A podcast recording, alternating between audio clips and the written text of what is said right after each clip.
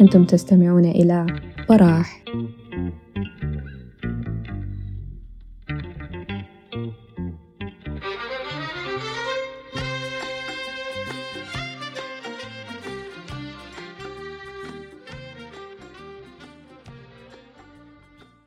السلام عليكم آه، الليلة جلستنا تحت شعار 30 يونيو الغضب الساطع. حتكون آه، جلسة عن الثورة شعر الثورة. ونتكلم عن الثورة ونتكلم عن نتكلم عنها كحراك متكامل ونتكلم عن بس المظاهرات آه، اللي بدت مثلا من 13 آه، ديسمبر 2018 نتكلم عن حراك التحضير اللي حصل ليها كله.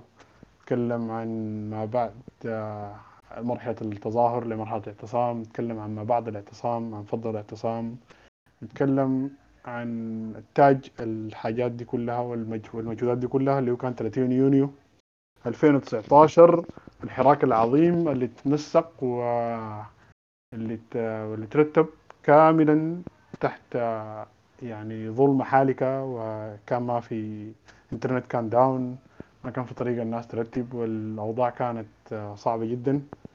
تحية كبيرة لكل الناس اللي نظمت 30 يونيو 2019 آه، كل الناس اللي اشتغلت من الناس اللي كتبت في الحيط لغاية الناس اللي حددت المسارات لغاية الناس اللي آه، ضحت بأرواحها في قبل 30 يونيو وفي 30 يونيو. وتحية خاصة طبعا لزغرودة بيت الموكب. اللي هي ما معروف لحد هسه طبعا. يعني الناس بيقول لك يعني في ناس كتار بيقول لك والله يا أخي نحن ما ما بفضل ما بفضل بشوف البيت اللي بتزغرد دي منو. فك وكأنها يعني كأنه ال- السودان ذاته هو ال هو اللي هو اللي بيزغرد اذانا في بداية المظاهرة. طبعا ده ما إحنا ما ما, ما بنبخس ال- النساء و وآنسات السودان حقهم. بالعكس هم كانوا ال... هم كانوا المحرك الرئيسي والأساسي للحراك ده. وأفتكر الصور براها بتتكلم يعني. واضح الأعداد كانت عاملة كيف.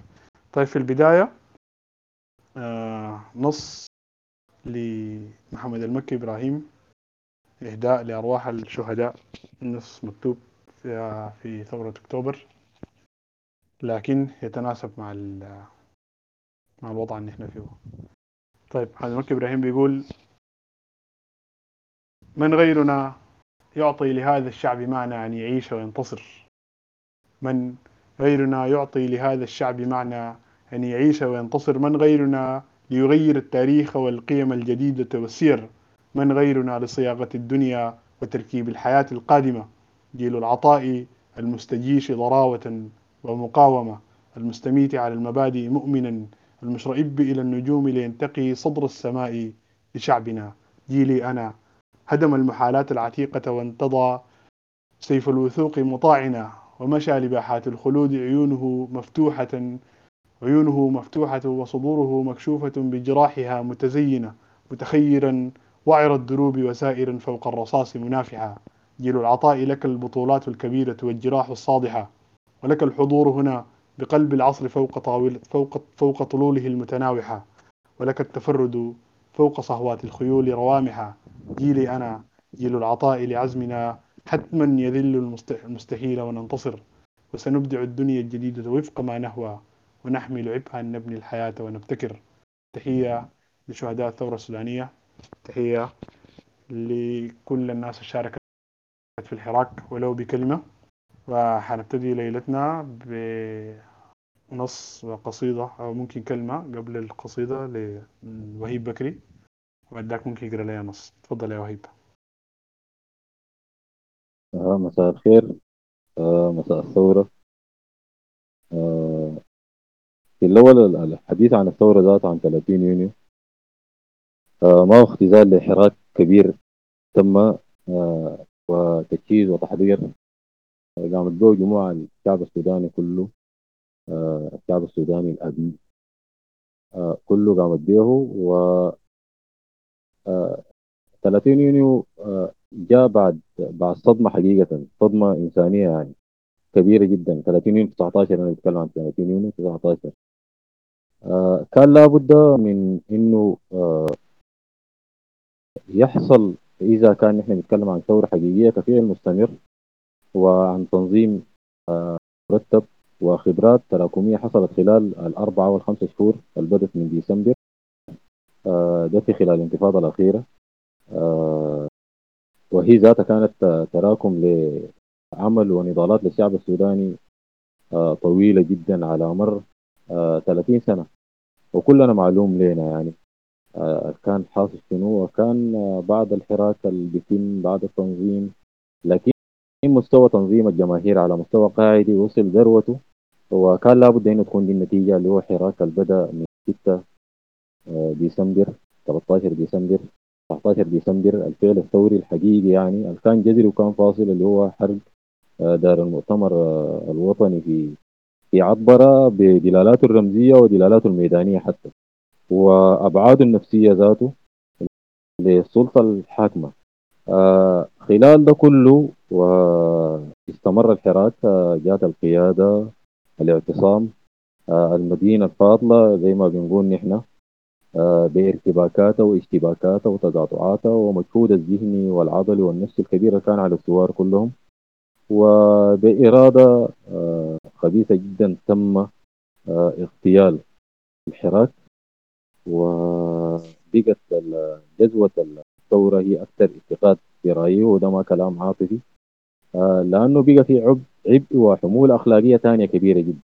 مجموع من الشهداء رفاد ومفقودين وطريقة في التقتيل بشعة جدا.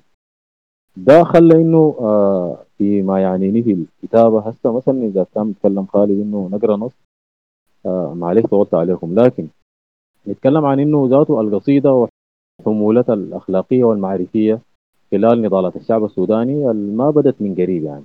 بدت من زمن طويل ولو في فرقة ممكن نتكلم عنها. لكن في ديسمبر كان آه القصيدة حاضرة جدا. الأدب حاضر التلوين الرسم التشكيل حتى وحتى المسرح. كان الاعتصام عبارة عن مسرح كبير. آه الاعتصام آه هو جذوتنا الحقيقية يعني وشخصيتنا الجمعية اللي بدأت تتشكل. وهو ما هزيمة نفسية بقدر ما إنه تحول نفسي كبير جدا حتى على مستوى المفردة والشعر. آه لو أمكن أنا ممكن أقرأ نص. آه ما بعيد. آه النص مهدي آه بهديه ل آه لشهداء ديسمبر لديسمبر لكل الثوار و آه أمهات الشهداء وأبهاتهم ديك النجمات في الجنة أمات الشهداء. ونحن مجرد صلوات من أجل الدم. كابوس اللون في الحنة. خضرة وحمرة وغيمات ودعاش في باب النم تقطع له منام ورصاصات يسمعنا الموت في الصنة والنيل تلبس كسوي. أمات الشهداء حمامات حيمات في تيها الملكوت طيرات بيريش البنوت. بنوت الأكس من الموت الكاكي انتهك الحرمات. المجد لله في الأعالي وعلى الأرض الحرام الاعتصام رسل السلام وبالشهداء المحبة. ها قد حدث ما قد حدث. مين اللي فضل يعتصم تبا على القول الرفض. خارج حدود الاعتصام كولومبيا ويا للعبد يا للأسف يا للعبد. عمره القلم ما بزيل ندم. والله الندم بيشفي الألم. إلا الألم بيزيل البلم والانجراح يرتاح تراح وش الصباح. من بعد حي على الفلاح يرطن سلاح يصلي حاضر في الصدور في الراس. وفي خير الأمور الأوسطة. القلب الهصور ما أعظم الروح في الأساس. أعلاها شانا وابسطة لما القضية تكون بلد والموت يموت جنب الولد. لما البنات يبقى شجر والثورة فيهن ظل ضحى بارد. زغاريد قطر داخل عليه كبري الحديد. كبت دموع أدبرة بالفرحة ويديهن مطر. كم رشرشن. كل البنات يا هين شجر نحن اللحى. ذاك الثمر يفتحن في بعض الرصاص ود الميليشيات ملحة بين النفق والمئذنة مين اللي بيرسم في العلم في الخد يسار السوسنة. فاطمة الجميلة سنبلاية صدى النغم. على مراميها الهتاف قدام بيناته هناك الثورة ضاماها الخيم. يا فاطمة لو ما في الجنود والله البنادق والندم. أنا كان أقول لك ده الحرم وأي واحد كل حجيج. وإنت وزيك عبور لجنة الوطن الجديد. من وادي هور دقت مطر ساعة الفطور. هسه الملاكل في السحور مضروب رصاصة من الظهر. وعينه لسع في ملك. شايل قدح لاقاه جم خيمة ربك. ثم اختفى غرب الترس. دخل الملاك في الأغنية. قاسم أمين الميد وخيمة مصطفى. نحن كلنا في المحك كلنا في المحك. المرجفة الثوار صحيح. المطاليق المساطيل الأئمة والمتثاقفة. الساسة النقابات المساكين الطيابة بلا حزب. ناس الصلاة على النبي وناس الكذب ناس الشكر والنازحين زيت الحرب. والنخبة خاتالنا الشرك تحت الخطب في مسرح الجنب النفق. مين اللي فضل اعتصام مين اللي فضل اعتصام نحن سكان الخيام. ما الخيام التحريقة؟ نحن ذاتنا الاعتصام. ما الكراسي التسرقة نحن والشهداء الكرام حزم حاول فرقة نحن نحن على الدوام. دور عائلة بياري. يا الله يا طيب نرجع تاني. بعد القصيدة نرجع للكلام عن عن الحراك ككل اللي هو كانت ذروته 30 يونيو بكل الدلالات بتاعتها وبكل معانيها بكل الصعوبات اللي كانت بتواجهها. يعني بفتكر إنه يعني 30 يونيو كانت الصعوبة زي 15 زي 25 ديسمبر في التنسيق والترتيب لها وال- والخوف والقلق اللي كان مصاحب لل- للترتيب والتنسيق وحتى الناس لما تطلع. يعني ممكن 25 لأنه طبعا يعني كان أول أول خطوة كبيرة في الخرطوم يعني. وكانت الناس متوجسة. وكان كان في قلق شديد كده يعني. بعد ذاك يمكن شوية شوية الناس بدأت تتعود على قصة المواكب وتعرف تجي بوين تطلع بوين وتأمن كيف. ف 30 يونيو كان بعد فضل الاعتصام وقطعة الإنترنت وكان في يعني كان في مضايقات للناس وكده فكان أفتكر إنه الناس كان رجعت تاني تشتغل شغل تحت الأرض عشان تجهز ل 30 يونيو يعني. ما ما كان شغل ما كان بنفس ال بنفس الحياة بنفس الطريقة اللي اشتغل بها آخر مواكب يعني. مثلا مواكب أبريل مواكب آه، مارس كانت شوية. الناس يعني كان في شوية ثقة كده والناس قادرة قادرة ترتب أحسن. فكلمنا بس بشكل بسيط يعني عن التجهيزات بتاعة 30 يونيو. طبعا بعد ذاك لأنه هو أصلا الناس كانت يعني الإحساس اللي جوا الناس ذاته الغبن والصدمة النفسية الكبيرة بعد فضل الاعتصام كانت حاجة مختلفة تماما يعني عن كل الحياة اللي سبقتها. فممكن تكلمنا شوية عن القصة دي؟ طيب آه، هو 30 يونيو 19 آه، كان أي زول آه، موقن تماما. إنه الحصل ده انقلاب. تمام يعني. وهو ردة كبيرة على مستوى فوقي يعني. إنها هي أنجزت تغيير فوقي لرأس السلطة بتاعت ال- البشير. لكن جاء 30 يونيو وهو حصل انقلاب وعنده آه عنده أجندته يعني. واحدة من أجندته دي اللي هو آه ثلاثة. كانت واضحة جدا إنه عزل ال- آه 3 3 يونيو sorry. قصدي مم. 3 يونيو المجزرة يعني المجزرة بتاعت مم. 29 رمضان فهو كان انقلاب انقلاب مكتمل وشكله دموي جدا واتقاطعت فيه مصالح كثيرة يعني مصالح آه، آه، سياسية مصالح بتاعت النظام القديم وجيوبه جوا جوا الجيش جوا السلطة العسكرية تحالفاته ميليشياته كله الأيديولوجي ذاته آه، الخط الإسلامي كله كان أو الإسلامويين زي ما بيقول دكتور حيدر إبراهيم فهم آه، ال آه، ده انقلاب تام كان وجاهز لكن واحد من أخطائهم اتخيل لي آه، الفنية اللي هم ارتكبوها. أول ما كان قدر استيعابهم إنه الناس طالعة من ذروة من ذروة انفعال ثوري في الأول وطالعة من من من ذروة تنظيم. أول حاجة.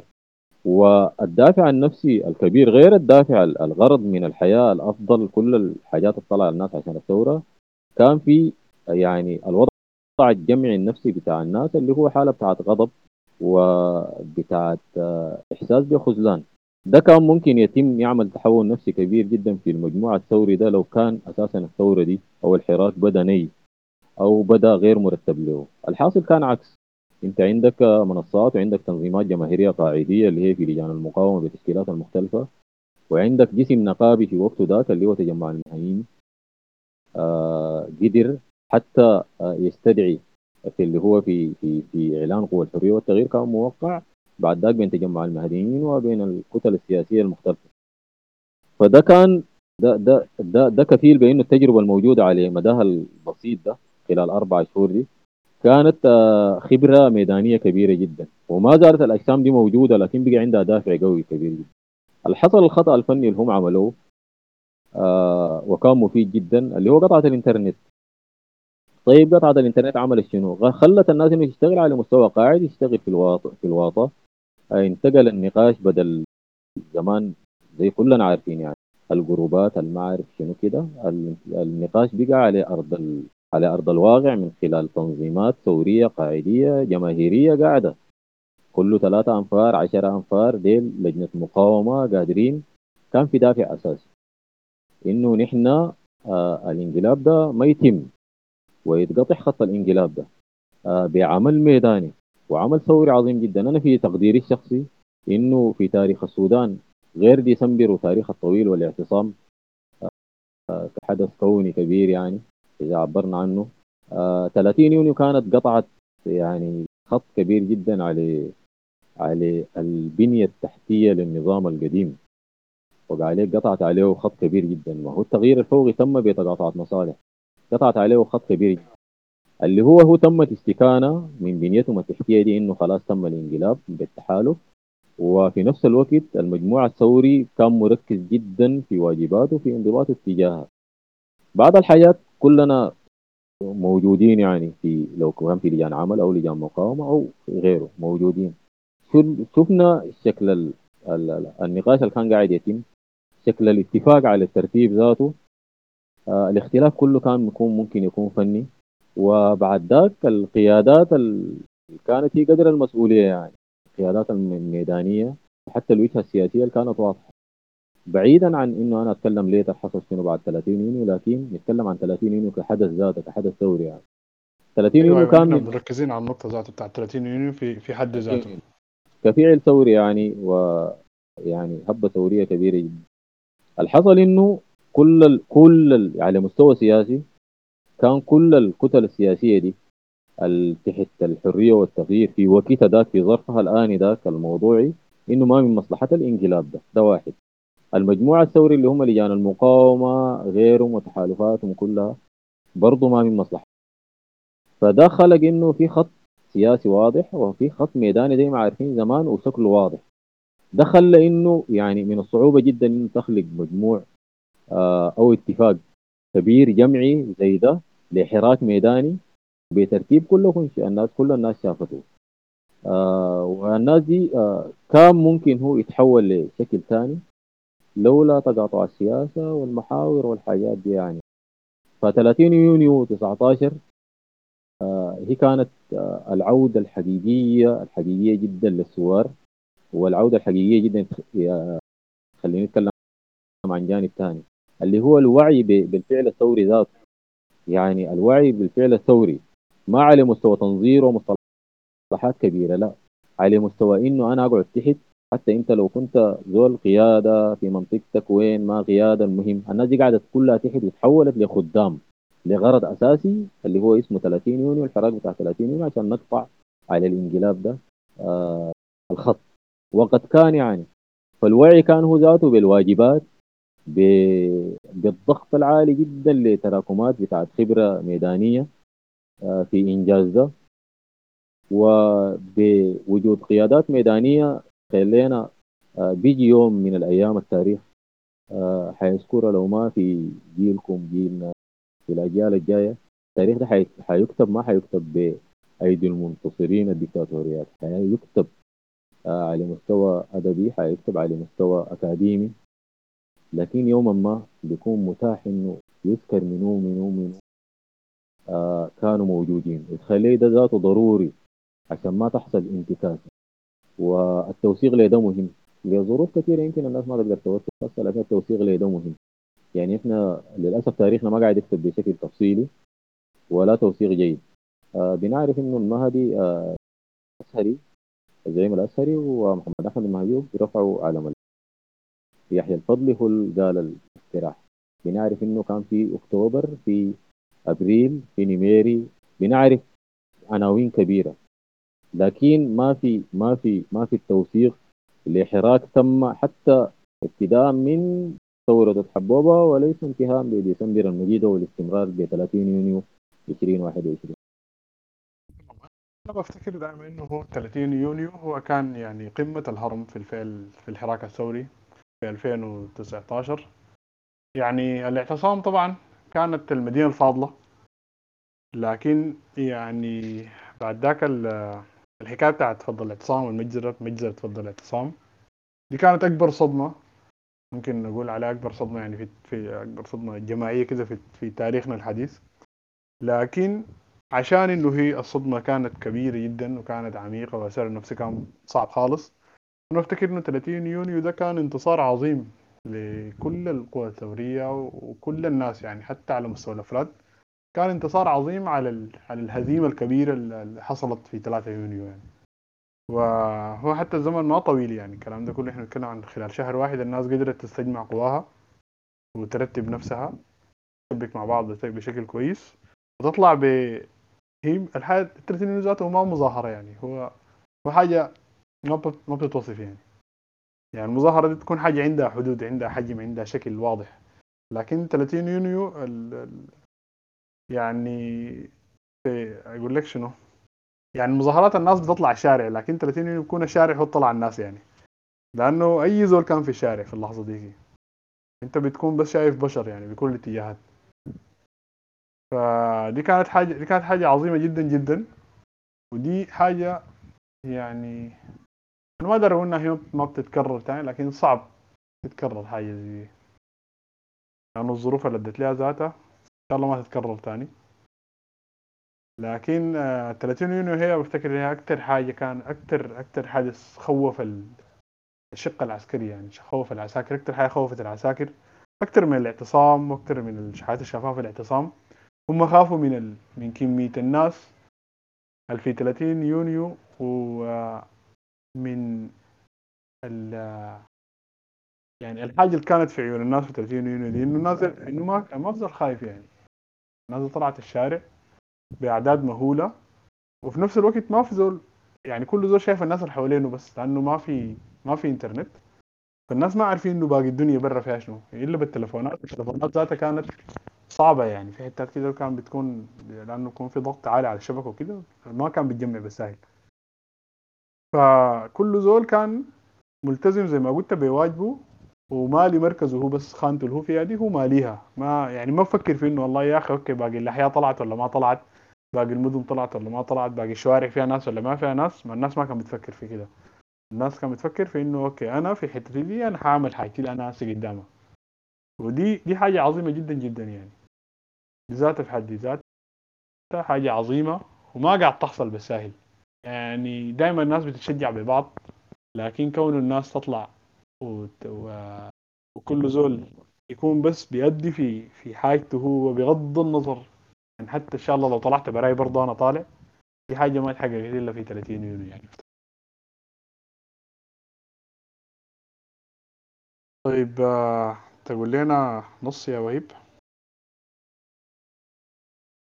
في انتظار عمار برضه يجي عشان يسمعنا نصوص يسمعنا شوية شعر. دايرين نقرأ. وين عمار؟ عمار جاي. دايرين آه، نسمع الناس أكتر مما نتكلم. أفتكر تكلمنا كتير ممكن نقرأ شعر. لو حسيت بإنه أنا أخذت أكثر من زمني حسيته كده قولوا لي يا وهيب خليك الله كفاك لا لا يا أخي نحن الزمن ده كله زمنك. تاخد راحتك. كويس. كويس. أنا حابدأ ب ب عشان نعود بالذاكرة. أيوه. حابدأ ب ب- ب- بمسج كانت آه، خلال الحراك وبقرا بعد ذاك نص. تمام آه، بس علي صوتك. كان آه، المسجات اللي كان آه، الوقت ذاك ضرورية. آه، هو مش مش مش تصليح لشيء بقدر ما إنه محاولة لضغطه في مفردة. آه، مفهومة لخالد ياسر ومفهومة للزول الماقره أيوه. مسألة إما من الصعوبة الفنية بمكان لكن آه، بالضرورة إنه يكون كده. ولو تتذكر يا خالد كان كتبت إنه يا أخي والله يا أخي الناس تحاول ما ما تغوص في الترميز والتجريد في الشعر في الوقت ده بالتحديد يعني. أيوه آه صح أنا أنا توصل كركنجي مفردة طبعا. للناس المتوجهين هنا أنا كركنجي يعني زول مهندس ميكانيكي بتاع electro hydromechanical وشغلتي ب زي ما بيقولوا كراكات ولوادر وشغلانات ف طيب هقرأ النص من آه من الموكب إلى الزنزانة. من زنزانة للموكب. من الموكب إلى الزنزانة. من زنزانة للموكب. مساسقة منتهى الحرية. دقنا نحن دق العيش نجيب لك صف حدود الشوف. دق ساكت بلا معليش وحات الغالي عم صديق نبيد لك فاضي كيس الخوف. سلاما يا القرى المجروحة. سلاما يتدس أحزانك شامة الوطن في روحه. بئسا يا انفجار الدانة في عزة بكاها نزوحة. من موكب إلى كراكة من كراكة للموكب. لو ماسك بر الكنداكة خلي الموت حبوب تهب وراياته ترف في سماكة. صباح الثورة حرية. آه ده نص من من المسج اللي بالرسي لكن آه وأنا كنت معدي وأنا كنت معدي على جسر الوسن الخشبي لقيت سارة سارة وفستان الوردي النص الشهيدة سارة عبد الله. وأنا كنت معدي على جسر الوسن الخشبي لقيت سارة سارة فستان الوردي قالت خش ما تخاف الموت. الموت أحلام والغيب بستان مندي قالت خش ما تخاف الموت. الموت أحلام والغيب بستان مندي شايف داك من يوم اللي لبس الرصاص متلبب داك الشباك. عاد يرسم صورة القناص مدور فينا كمنجاته وداك وردي. وداك من جاته الجاته حصلنا هنا. ما خلى محلا في الغيب إلا وسواه جدارية. إلا ولو ومبه جناحاته وقالت بصوت المحموم اشتاق كثير للخط قالت ما تنوم موت خلينا نلف الملكوت. نتونس واليوم بيجاي ما بيكمل إلا مع الصوت السادر صوت الجبخانة. نتلمى نشوف الواصل ونشم في دم السودان بالذات لو لابس لاكوت. وأنا كنت على جسر الوسط. لقيت سارة سارة وفستان الورد. يلا يا ربنا يرحمه ويغفر له إن شاء الله. ربنا يرحم جميع الشهداء. ربنا يرحمهم اليوم اللهم آمين. ربنا يرحمهم اليوم يقدرنا نحن على ال... على إنه نوفي البلد دي بحقها يعني قلاو في إنه نوفي الشهداء ديل. آه، دريبهم وأحلامهم يعني. ونبرد جوف أهلهم ونجبر خاطرهم شوية. إن شاء الله. إن شاء الله. طيب آه، نقرأ نص قديم. خفيف عليك شوية يا وهيب. عشان ما نضغطك للنهاية. أنا بقرأ خليك تقرأ ثلاثة أربعة كده وأقرأ لك واحد. يا ريت. تمام. طيب آه، النص الزمان الحلم. الزمان الحلم. شيئا فشيئا يموت القصيد. ويخبو بعينيك نور الكتابة شيئا فشيئا تضيع القوافي. ويطغى على النص لحن الرتابة. وشيئا فشيئا. تضيع ملامح كل الحبيبات وكل اللواتي أثرن بقلبي فعل الكتابة.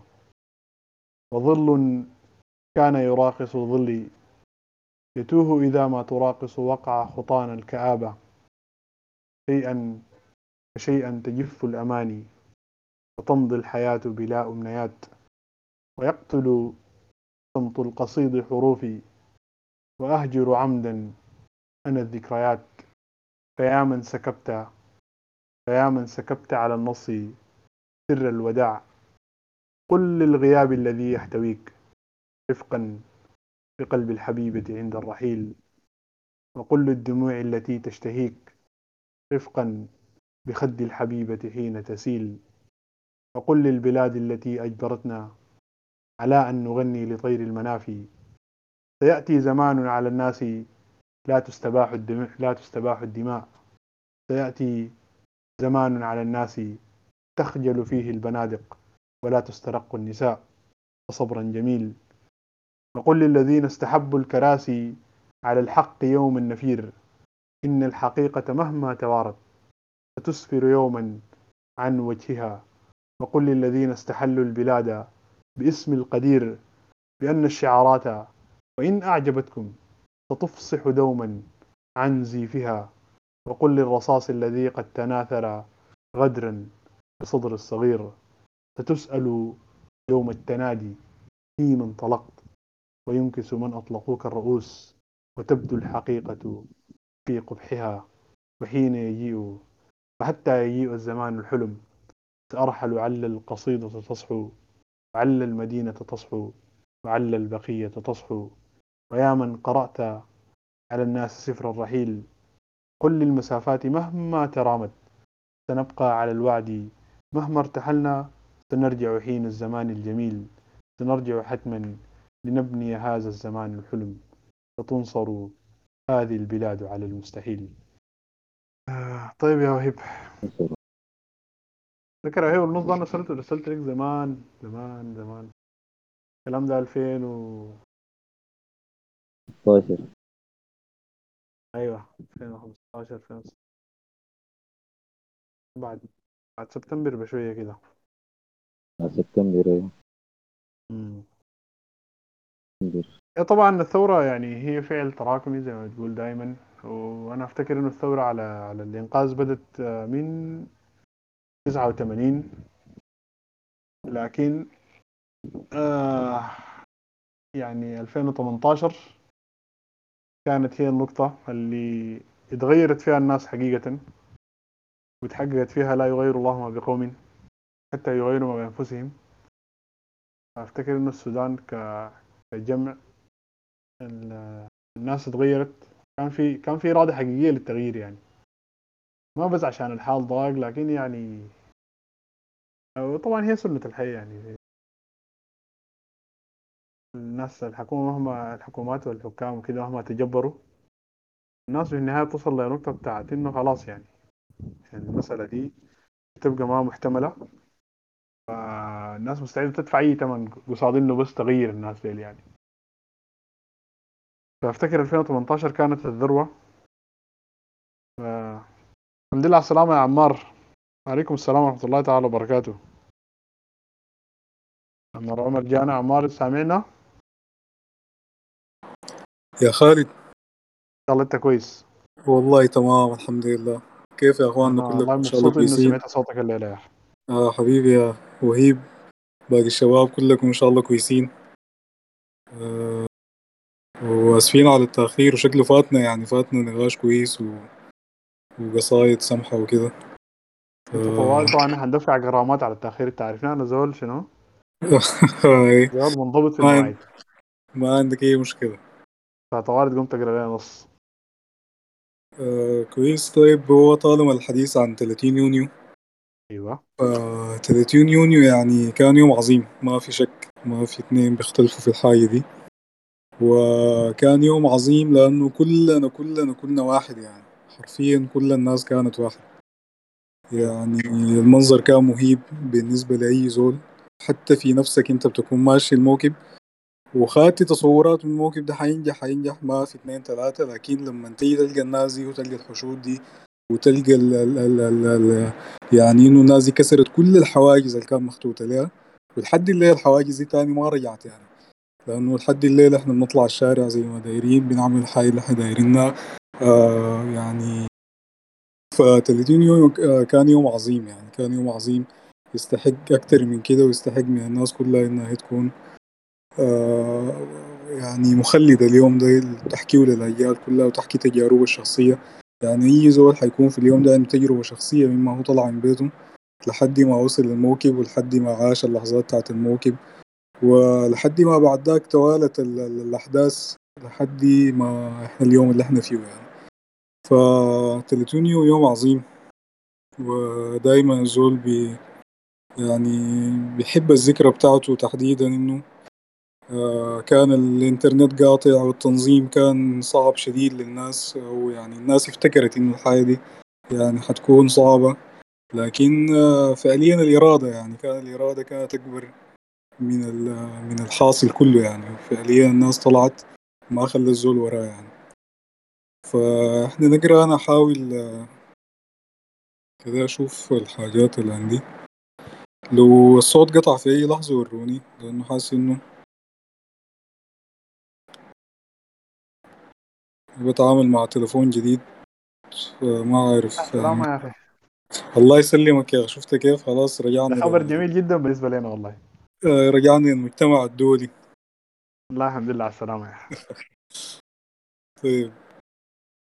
يا عمار بمناسبة التليفون الجديد. أيوه منو نتكلم يا اخوانا ده وهيب وهيب. يا خال. إزيك يا عمار؟ كيف أخبارك؟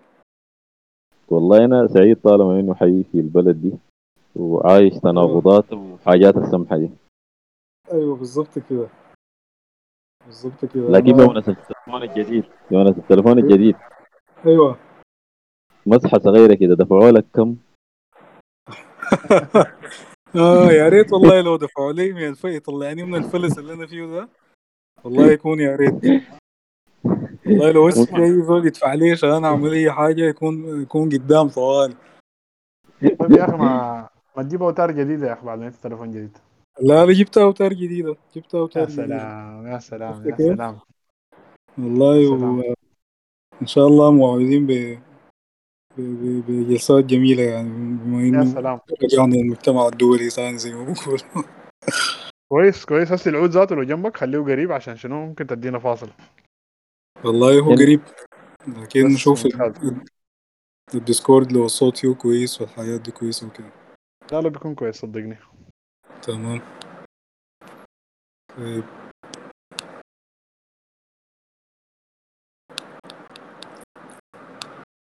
سامعينك قول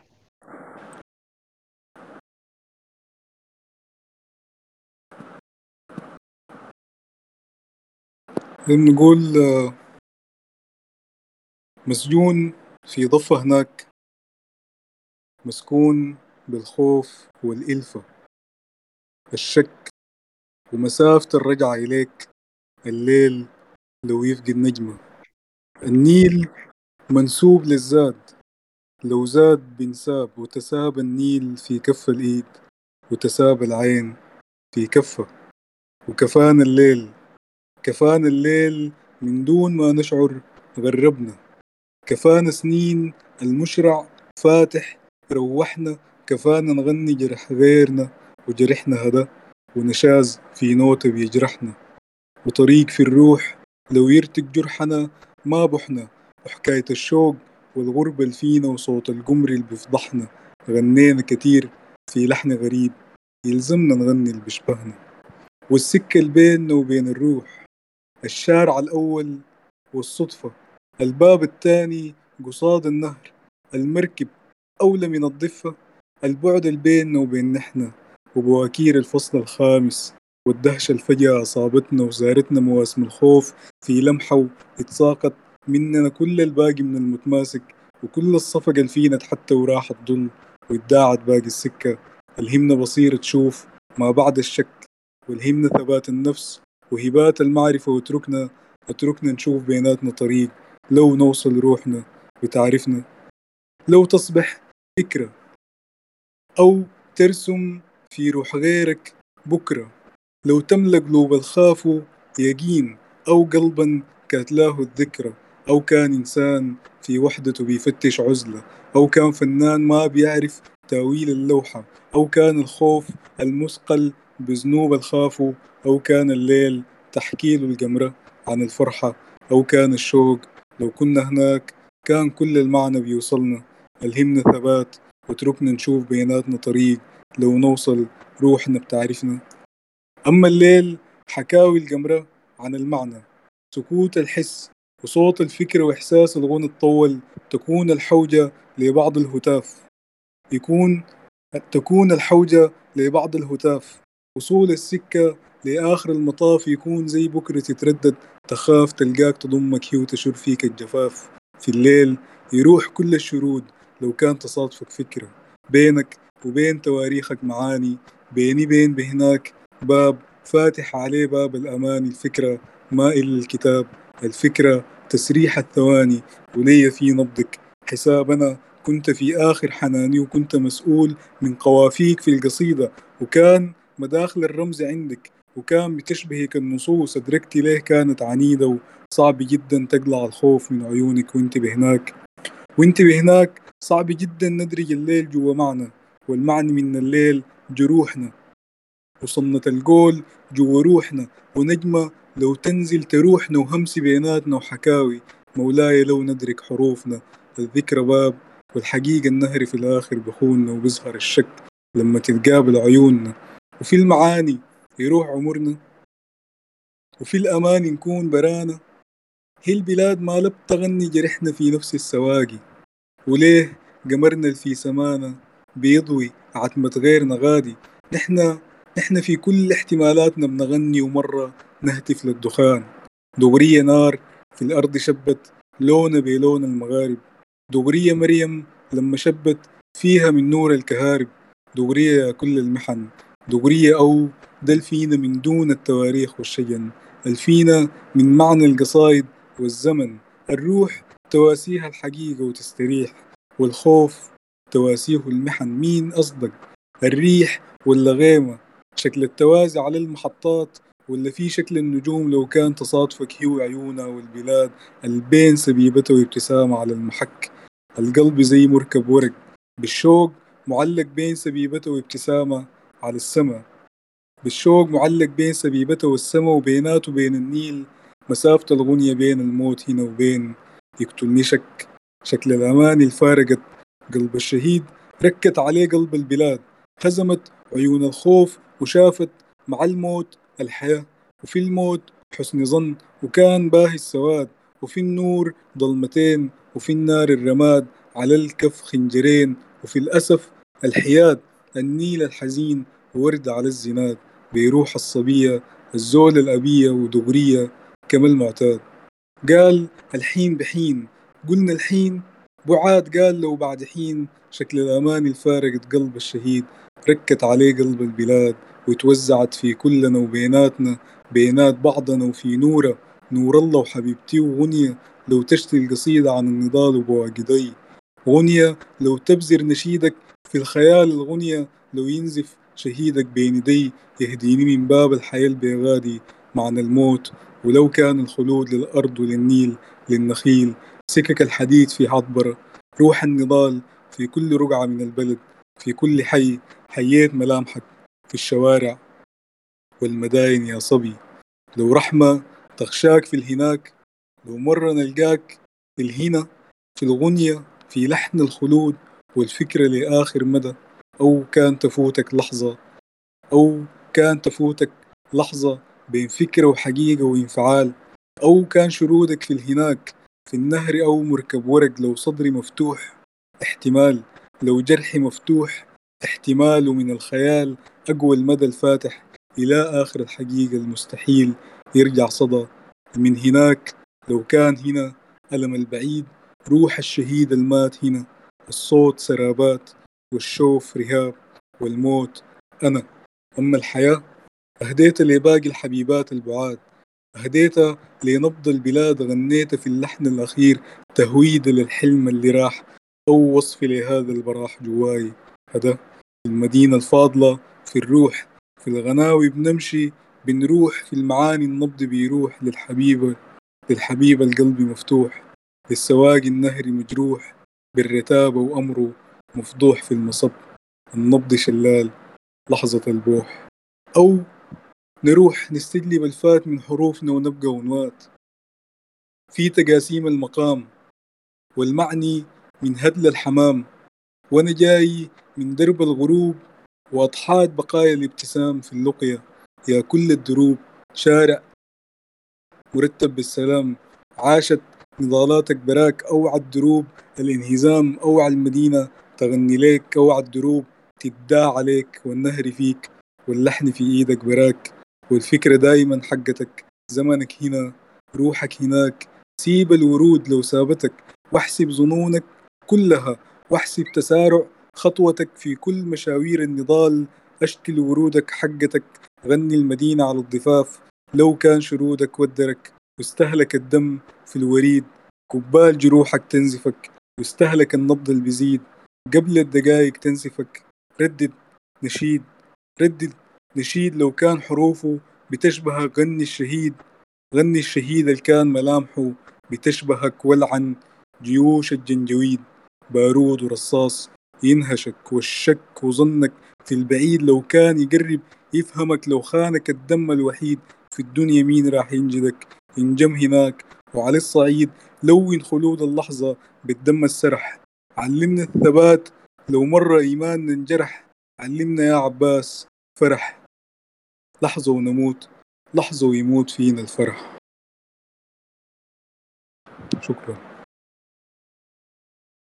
وربنا يرحم الشهداء ويرحم عباس كلهم. آمين. بعيد يا عمار بعيد بعيد تماما أخي أنا دارس معكم يا أخوان يعني اسمعنا معنا يا وهيب مرة خالد. والله أبدعت حقيقة يا أخي أبدعت حقيقة آه النظرة طبعا شهادتي مجروحة زي ما أنت عارف يعني آه، أكيد آه. في الناس بقى في عمار في رماح بيسأل إذا النص مكتوب عندك ممكن ترسله في النصية. يا وهيب سامعنا ولا ما سامعنا؟ آه، ممكن أرسله أيوه أنا سامعكم أي آه. طيب ما تقرا لنا. عدل لنا صوتك واقرا لنا. والله يا خالد داير أقول لك الكناري بتقول حبوبتي طبعا في تقرا لنا دي. لكن قل لي عادي عادي. حبوبتي دي أنا بتشيبون آه. كل ما تجي ما عارف قراية ما عارف يقول لك يا ود القرة اليوم فقط. الساعة. والله هسه طبعا يعني شنو؟ هسه داير أقول كلام ما في حق عمار. لكن قول في حق الشعر واجي واجي الثورة كلام صغيرون. علي صوتك بس. داير أقول كلام في حق آه، الشعر وجيل الثورة والمفاهيم بتاعت الشعر في عبارة قاعد أقولها طوالي كل ما لمسنا بالناس حاجة. عمار ده ما نموذج بالنسبة لنا فقاعد أقول لهم إنه يا جماعة المعايير الأكاديمية النقدية الكلاسيك دي ضيقة شديد على المنتج الشعري السوداني مجازا باللغة الدارجة. و أيوة. فعمار ما داير أقدم أي تأويل أو تفكيك أو أي حاجة عن الكلام ده. لكن يا عمار أول حاجة في الشعر آه عشان يخليك منتبه هو الدهشة. ف أنا ما بتكلم عن دهشة أنا بتكلم عن تصوير وتفكيك عجيب يا عمار. وأنا طبعا ليه خالد فيك مجروحة. آه ما عارف أقول لك دقيقة. ممكن ما تقولوا ممكن ما تقولوا أي حاجة يعني ممكن بس تقولوا لنا. و... نقرأ لك. هاي كون طيب. ممتاز. يتحملوني شوية يا جماعة الحضور هنا. آه. حملك شديد. نتحملك للنهاية. أيوه. إحنا أصلا جايين أنا نسمعك. حاقرا أنا حاقرا في مناجاة تيشا الولد اللي وقف للريح. مناجاة عبد ربنا ويغفر له إن شاء الله.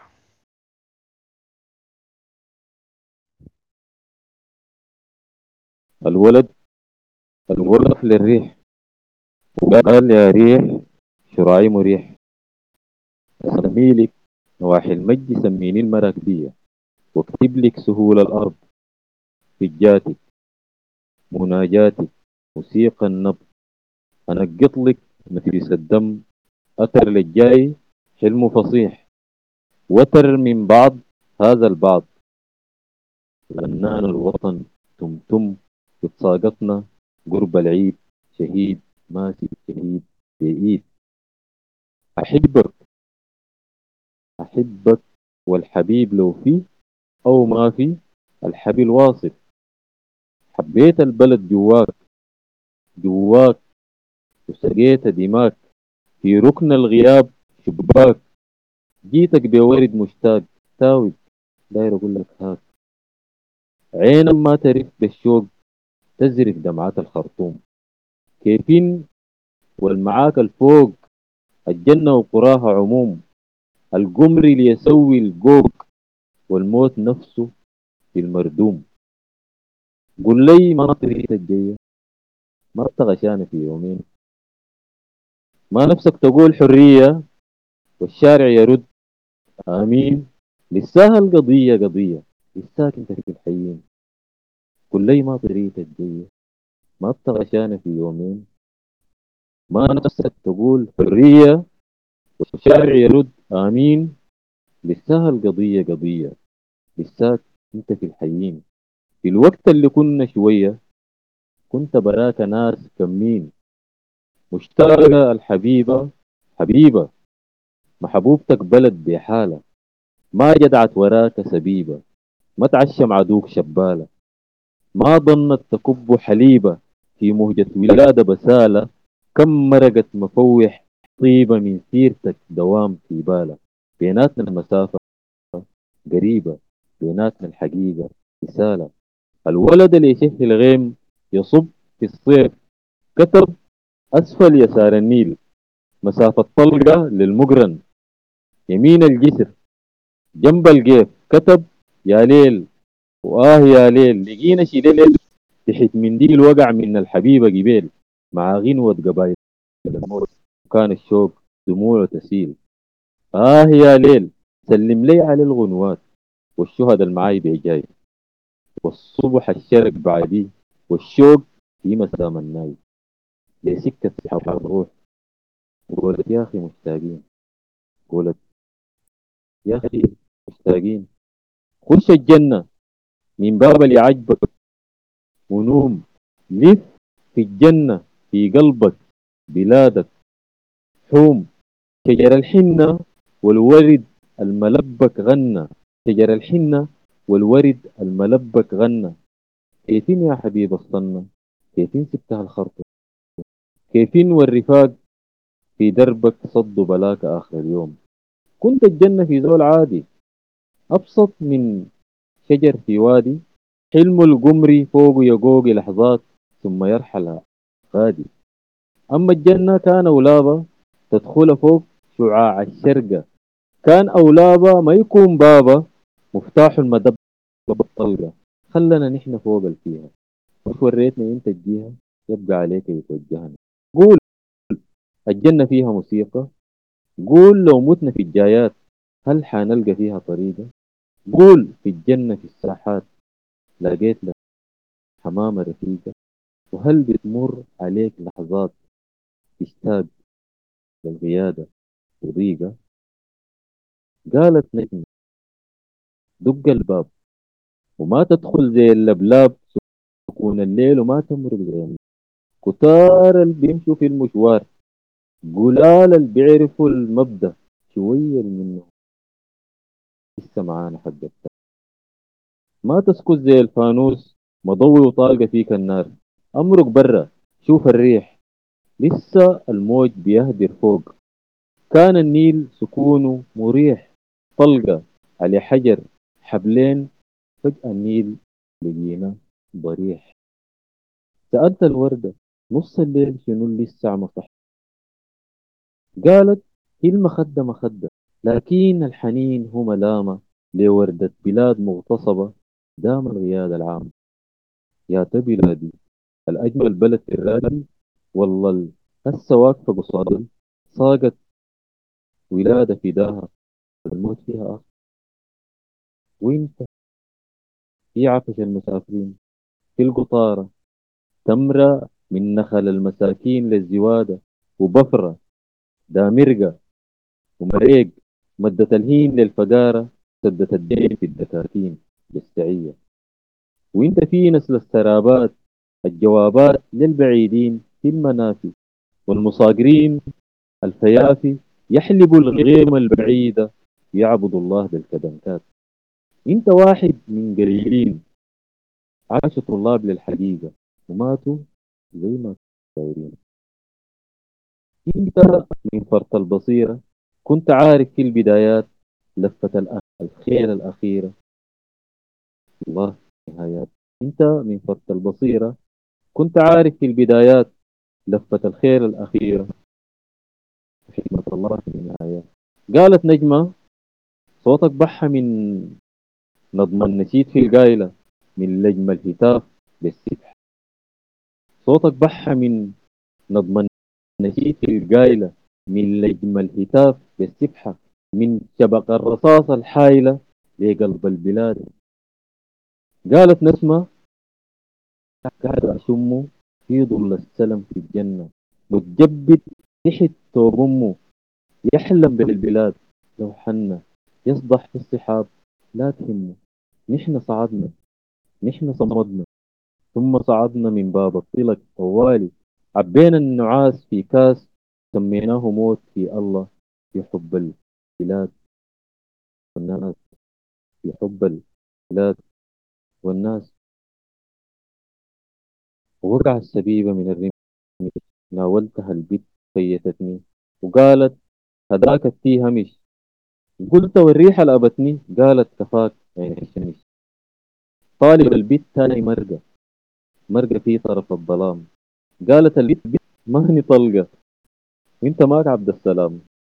خلوا بعده يبقى يبقى. آخرة الموت. سلام. دمعة جم الدار تكب.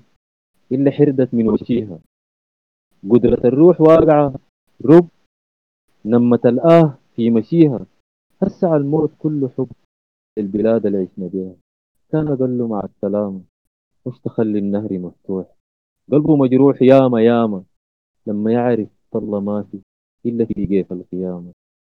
كان بإيدك تبقى قناص تقتل الشر في محله. إلا بس كان همك الناس ما بتجامل كله كله. غنوة الموت جرة الكاس دايرة ريق الشوك تبله. ونحن طيبين. أنت كيف؟ نحن طيبين أنت كيف؟ نحن ماسكين في بلدنا جوا في الفعل المضارع. لسه ما زلنا بنطارح في الخفافيش والمرابين رغم أصوات الضفاهر نحن طيبين كيف. نحن ماسكين في بلدنا. جوا في الفعل المضارع. لسه ما زلنا بنصارع في الخفافيش والمرابين رغم أصوات الضفادع. انت كيف؟ نسمة نسمة في الصيف. والله شارع في الفراديس. نخلة القيف جوا الجنة والله كيف؟ نحن طيبين يا نزاتنا ثورة فرادة ثورة هس ثورة طيب عم يا سلام عليك. يا عمار انت جهز حاجاتك. أنا هقول حاجة صغيرة.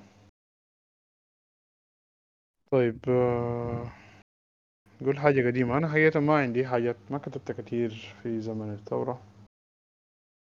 ولا بعدها كتبت حاجات بسيطة شديد. لسه ما قادر. لسه ما قادر أستوعب الحدث كامل عشان نقدر أكتبه. ها قلت شنو يا عمار؟ أوكي نقول نقول القديم عشان يذكرني إحنا كنا وين. وانتوا بعدك جايز حاجة تذكرني إحنا بقينا وين. طيب. رسائل إلى الوطن المنفى.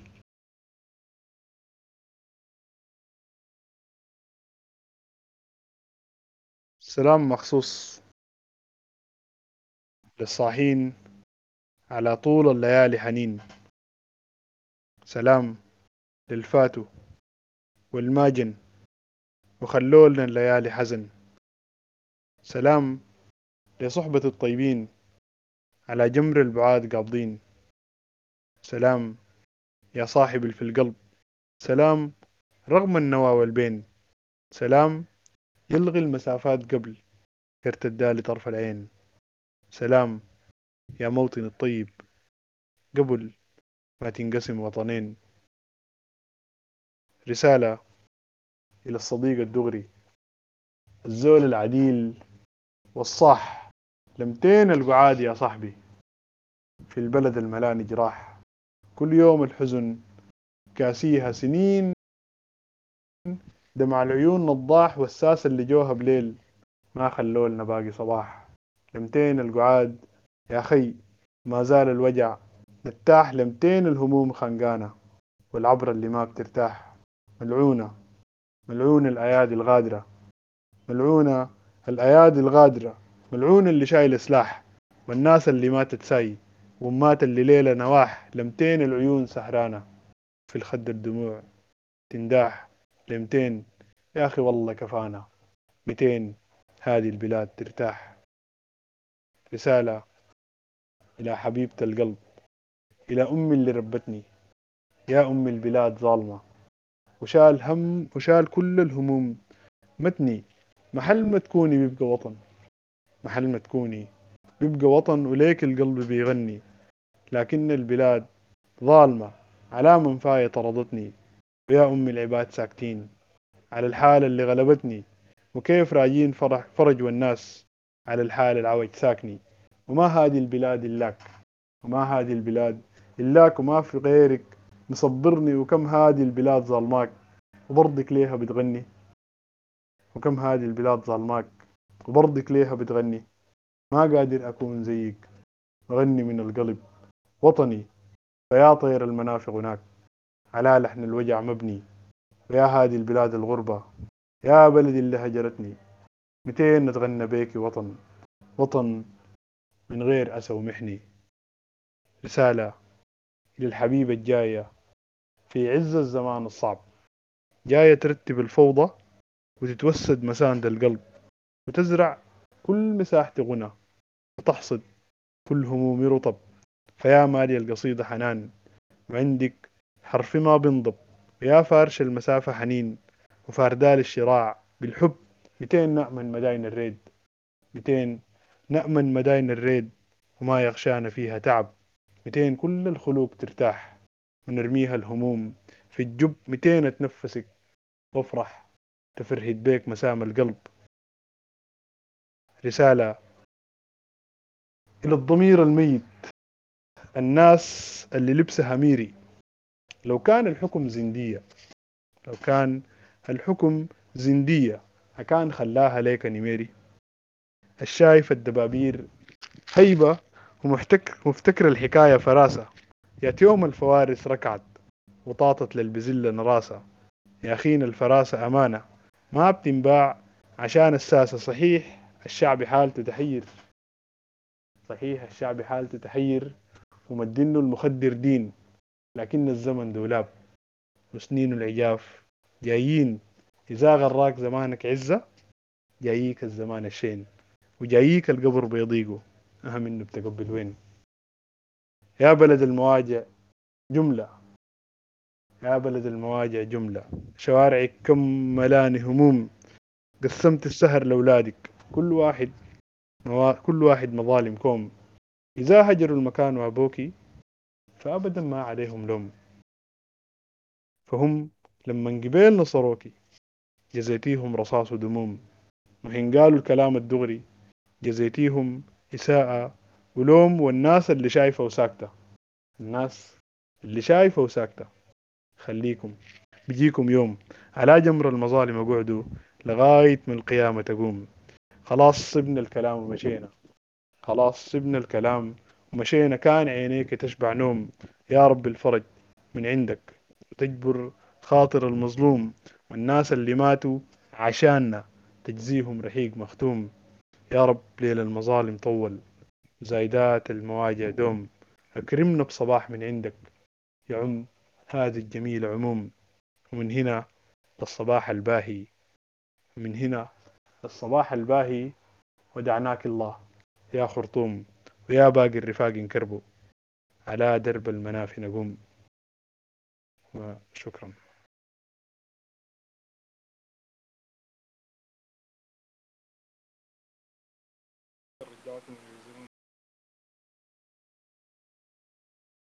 ما كان ما كان ما كان بيفتكر ال- الحاجة اللي حصلت دي تحصل بصورتها القريبة دي.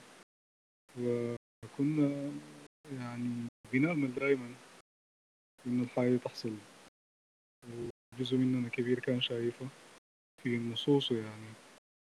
ال- ما ما ما كان في ما كان في الوضوح ال- الظهر ده. لحد 2018 لحد ما قبل ما قبل الأحداث كلها ما في زول فينا كان متأكد من الحاجة دي. لكن النصوص دائما كان داخلة بال بال بال بال بالتصورات اللي ممكن تدينا ال- الحاجة اللي ممكن تحصل وإيماننا ال- اللي كان بأنه يعني لابد إنه الموضوع ده ينتهي في لحظة.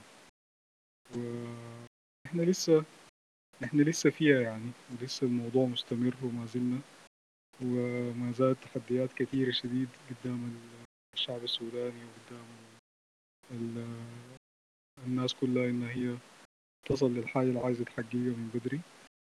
وأنا صراحة برضو ما كتبت يعني غير النص اللي قريته أولا يعني ما كتبت حاجة جديدة يعني أو حاجة آه، توصف ال توصف الوضع. يا عمار طب لو عندك النص بتاعك بتاع الجزء بتاعك بتاع بواقي الضي.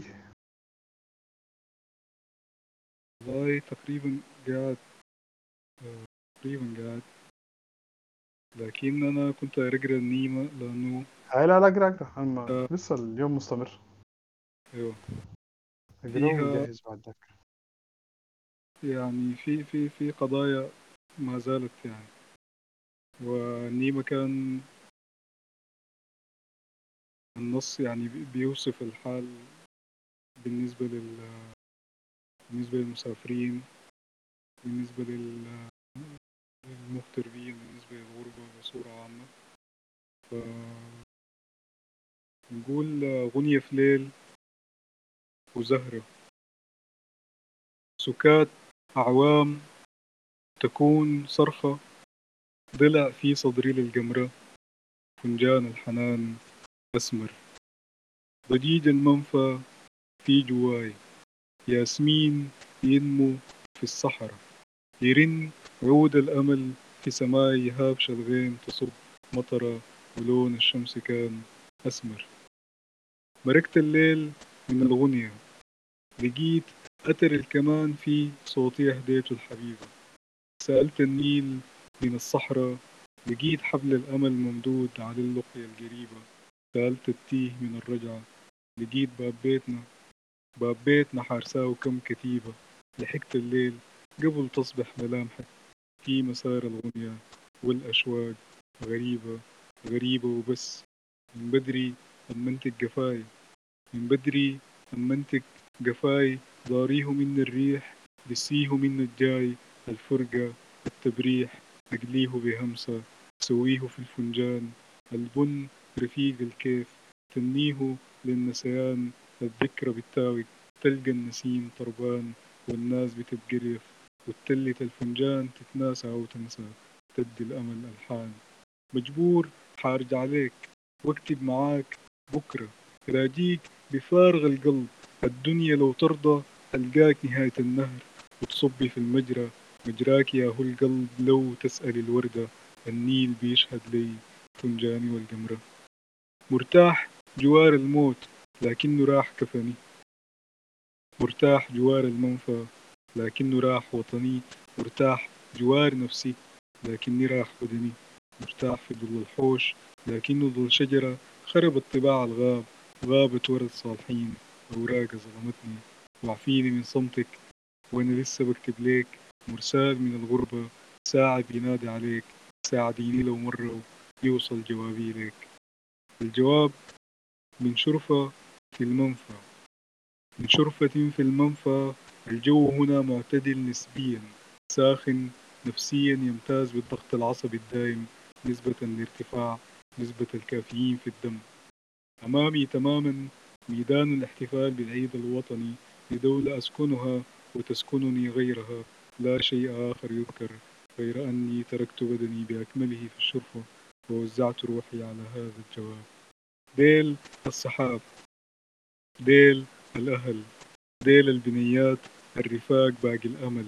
ويا هل حبيبة من الفراق لازمها رقراق المقل؟ فارض عليها الانتظار حبيبة لابد من يصل. وأنا أنا يا حبيب الشوق ملكني واكتفيت من الجراح. كل النصوص تتضارب فيني وتستبيح من داخل ذكر وأمنيات والعمر راح. هل باقي من هذه العنيدة سوى النواح؟ الليل طويل القمر ما يا الزمان والفجر ما يا هو البراح. في الغربة ما بهب النسيم في الغربة ما بطل الصباح المنفى في جوف الجسد. وكان باب الخروج مفتوح.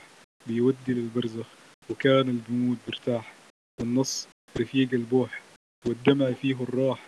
أحلامنا عند القيف يا موج رفها الموج بادلتها رياح راحت مقابلة مصب ما تحققت يا صاح. أحلامنا كانت ساي وأنا سوق هيوة شاي والناس عدال مصاح والنيمة تلقى الروح رويانا بالأفراح ما حلمنا بيها صعاب أحلامنا كانت ساي نتلاقى عند النيل أنا والحبيب الصاح. نسرح في ذاك الخد مثل البدر في اللاح لأني وريتك أحلامنا كانت ساي كاسيها ريد وسماح. كان الرفيق الصاح لملم خلاص مارك لملم دموع أمه بكلمة طيبة وفات فات ما هنا ورجوع وأنا زي عديمة الصوت واقف كلامي سكات غيبت رحت بعيد ورجعت للماضي؟ من يوم مشينا النيل والموج عرفنا سوا. من يوم سقينا الفكرة وحصدنا وإحنا سوا. من يوم بدينا الخطة فشلت ولسه سوا. وهو نحن لسه حضور واقفين مهب الريح. هل تفتكر يا صاح؟ أسرح إلين ما تعود. قاطعني قال يا أخوي أمنتك الدعوات والباقي من الفات. أمنتك الطيبين المنهكين الروح. أمنتك الصلوات الريدة يوم ما تروح. أمنتك الغنوات اللحن يصير مفضوح. أمنتك اللمة النيمة باب الروح. أمنتك أنت عليك وبقول لك يا صاح. باب الخروج مفتوح نتلاقى ساعة خير. ودركت من اللحظة ديك إنه السفر ما هو التذاكر والرحيل وإنه المحطات مبنية من طين الدموع والقهوة من غير الرفاق كاسات من الحزن النبيل والنيمة فاقدة لاتزانه كل ما حزنت تميل تتمايل أطراف البلد تلفظ بواقي الأمنيات وبواقي جيل جيولوجيا بركان المعادن ما يدعى بالحلم الجميل. إذا إذا الوداع يا أرض يا نيل يا نخيل الغربة ما كانت فرد. الغربة تشتاق للرفاق في أرض كانت ملكهم. وريني بس كيف الصبر والناس تبيع الخيبة في كل الشوارع والرواكيب والشجر. وهو كل بيت في الحلة بات ناقص نفر. ليك يا قدر أستغفر الله العظيم. وعفينا من عيشة الفقر. وعفينا من كل الدروب. سكك الخطر وسكة مفارقينك مشيدة. مشيدة بالضجيج والحسرة والشوق والوتر وترنحت. في عقلي أسعار التذاكر. والمطارات والرحيل والقلب ما بيه السفر. ورحلت سافرت مشتاق للرفاق للمة أصحاب العمر لبسمة في عز الهجير تعفيني من هذا الضجر مسجون آهات المسافرين. في ضفة من شاطئ النهر وأنا أنا لو علي كل المداين والبلود ما بتشبهك. وكل شوارع الغربة بكامل جمالها بتستبيحك وتشرحك وتلم جراحك من داخلي وتسألك. لمتين أدار الخيبة بينات الجروف لمتين نعيش في أرضنا ومالينا خوف. لمتين تقول الغربة لبعض الظروف. متين نخط باقي النقاط فوق الحروف. الآن تأكدت تماما أني على هامش كل شيء. كل الحواف وشيكة الانهيار. أنا أتحدث من الهامش. أتسمعني صدى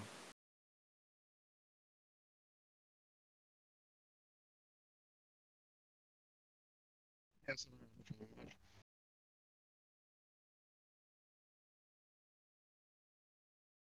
الله يخليكم يا اخوان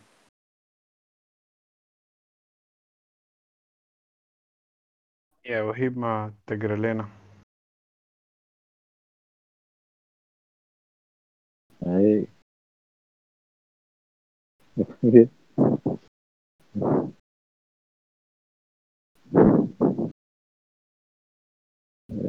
طيب اقرا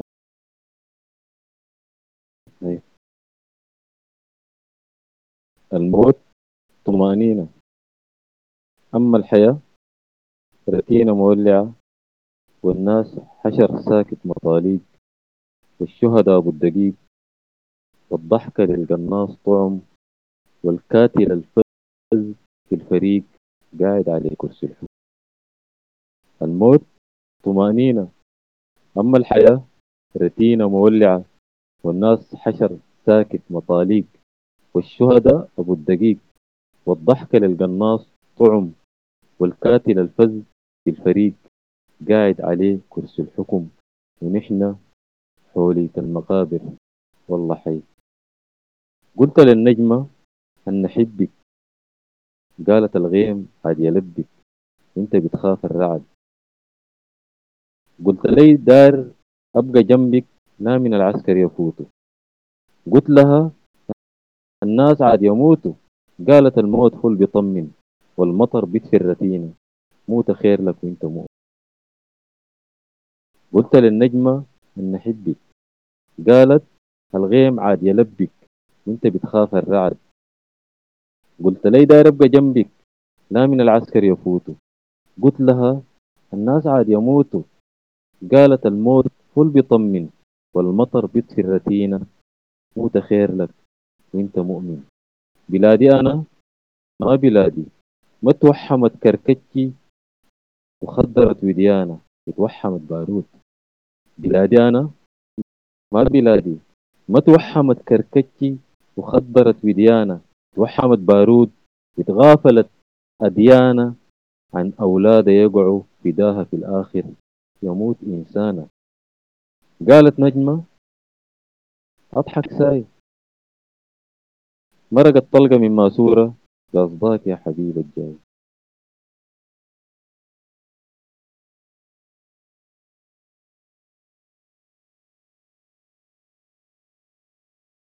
النجمة كانت في المخيلة. نجمة في الوسن الغريب. هومت. فات بيها ليلة. غايته عارف ده الطريق وحيلة الخطوات قليلة. نجمة بلت من نريق صاحية شربت سلسبيلة. نجمة قالت كم فريق هسه في بطن القبيلة؟ كم خشم بيت عاد يضيق في بلد واسعة ومهيلة؟ كم مرق خان الشقيق وخان سماوات البهيلة نجمة طاشة بلا رفيق تسأل الغيم تسأل الغيب دم كتيلة. نجمة طاشة بلا رفيق تسأل الغيب دم كتيلة مرة ساقتني الحمامة. عشها في الماضي ذاك. كنت بتنفس زمامة وروحها بفوق للسمات سألتك الشوق. قلت لي هسه من فوق شايف النيل امضى في نص الخريطة وشايف الخرطوم دموم. نقطة سوداء وخرطة البلد أصبليطة سألتك الشوق قلت لي هسه من فوق الخ... هسه من فوق شايف النيل امضى في نص الخريطة وشايف الخرطوم دموم نقطة سوداء وخرطة البلد أسبليطة. شايف الكون كله مطمورة وحبة العيش الأرض سوست مليانة بالجيش والنمل قام منتفض. قاعد قناص الحلة. طار عيني قريبه بعيد. جنب الكركون يتدلى. بينات طبقات ضيف الله. صعدت قبال العيد. أرواح قدام ناس الله. كم طير الناجي من الصيد. بيحلق فوق بيت الله. كم كم من طيرنا الشهيد. قاعد قناص الحلة. صار بعين قريب وبعيد جنب الكركون اتدلى بينات طبقات ضيف الله صعدت قبال العيد. أرواح قدام ناس الله. كم طير الناجي من الصيد؟ بيحلق فوق بيطلة كم كم من طير شهيد قالت عصفورة الجنة في الصحراء هناك شفت حواشة خضرة شديد شجر الحنة. صدقت عيوني الغشاشة قربت عليها صادتني. طلعت طابور الدياشة راجيل حمامة عشيه قالت عصفورة الجنة في الصحراء هناك شفت حواشة خضرة شديد شجر الحنة صدقت عيوني الغشاشة. قربت عليها وصادتني طلعت طابور الدياشة تاجيل حمامة عشيها نجمة قالت لك تعال نحن قدام الغيادة. خش سريع القبل شال خيمة فاتحة عليه ولادة. خيمة لكن جنة في البال. جنة في باله لو أنا ممكن.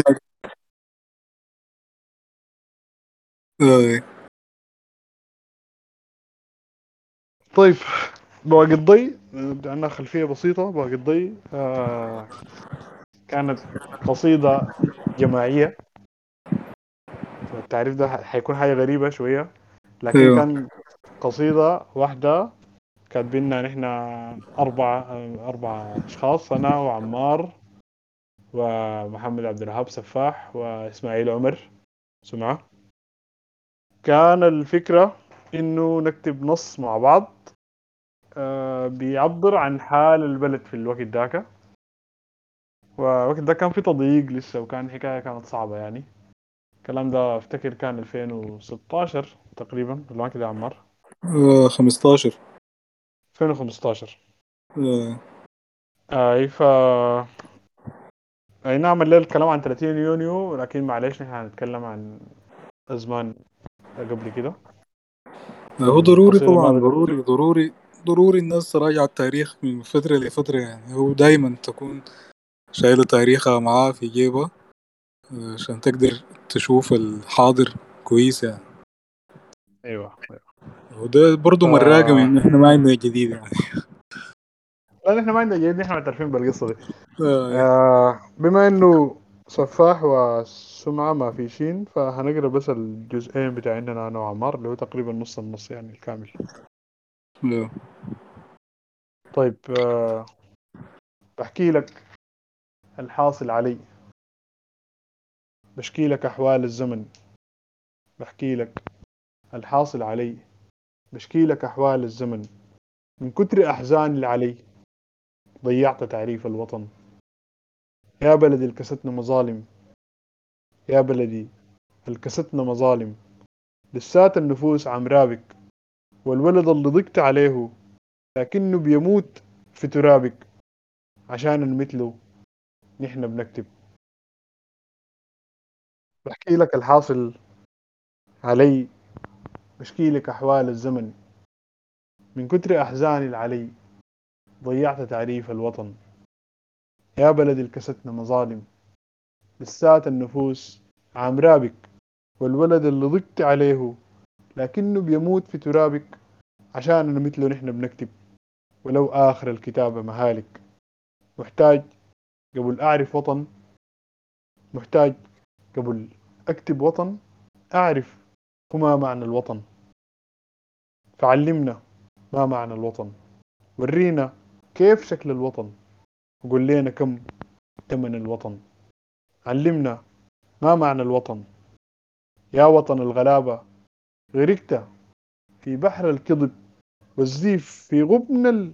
من غبن المهانة رعفت. وجنياتك بطفش نزيف. ويا سلة غزان شفتها بتتسول بواقي رغيف. علمنا ما معنى الوطن. معناه إنه الناس تعيش وتموت على نفس المحن.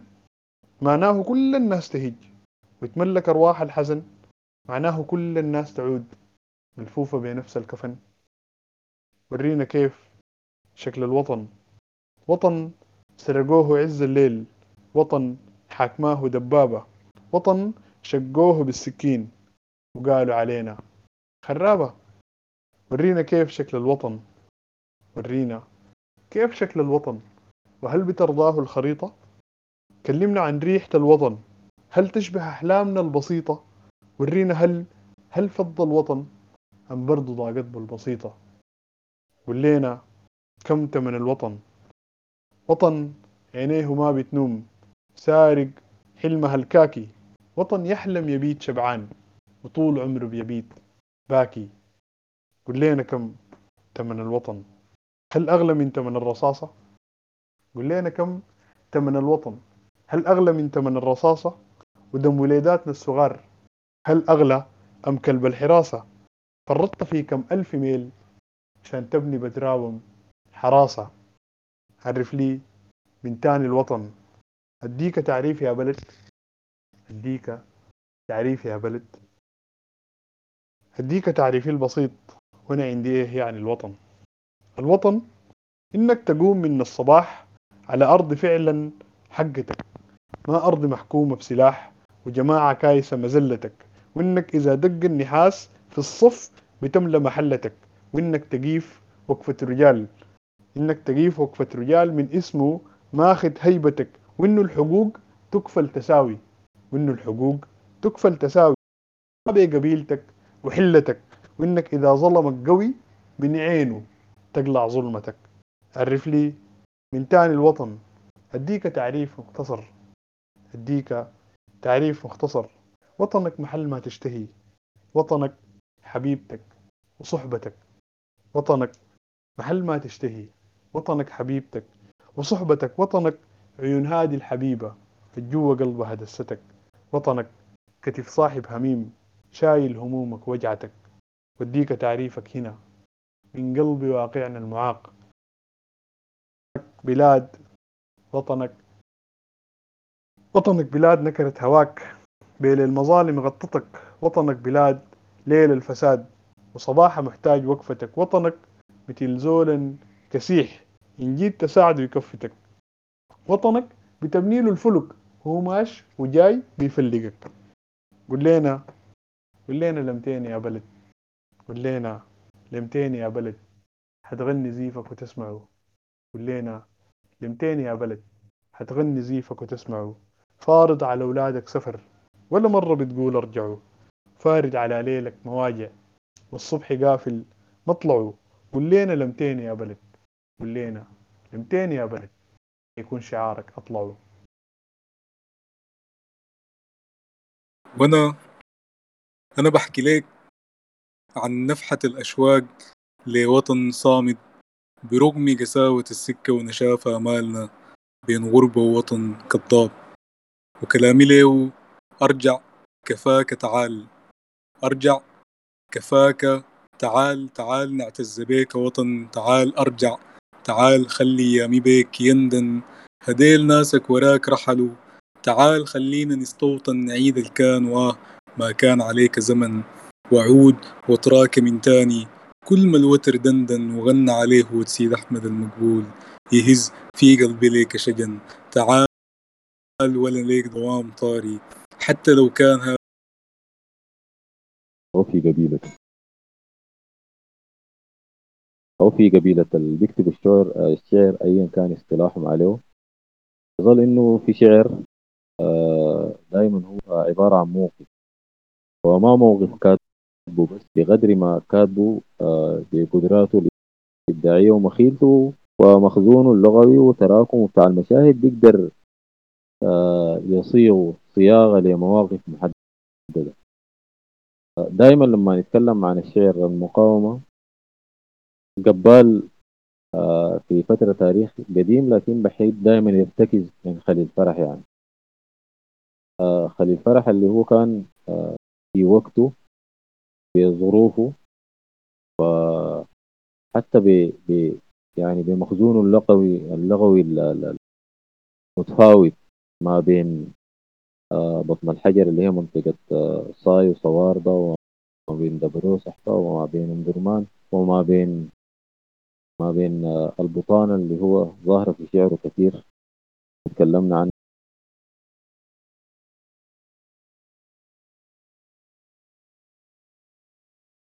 آه، كثيرة يعني. تم خيل الطول على أو آه، مفردات جديدة. آه، مفردات الجميلة يعني ده الكر اللي هو التمساح. بنلقى بنلقى المفردات دي كثيرة أو تصوير الصيد مشهد الصيد. في البطانة هو طبعا أثرت كثير مفردة البطانة في شعر خالد فرحة وموجودة فيه كثيرة. والدليل على ده من المسموع يعني أغنية الضواحي.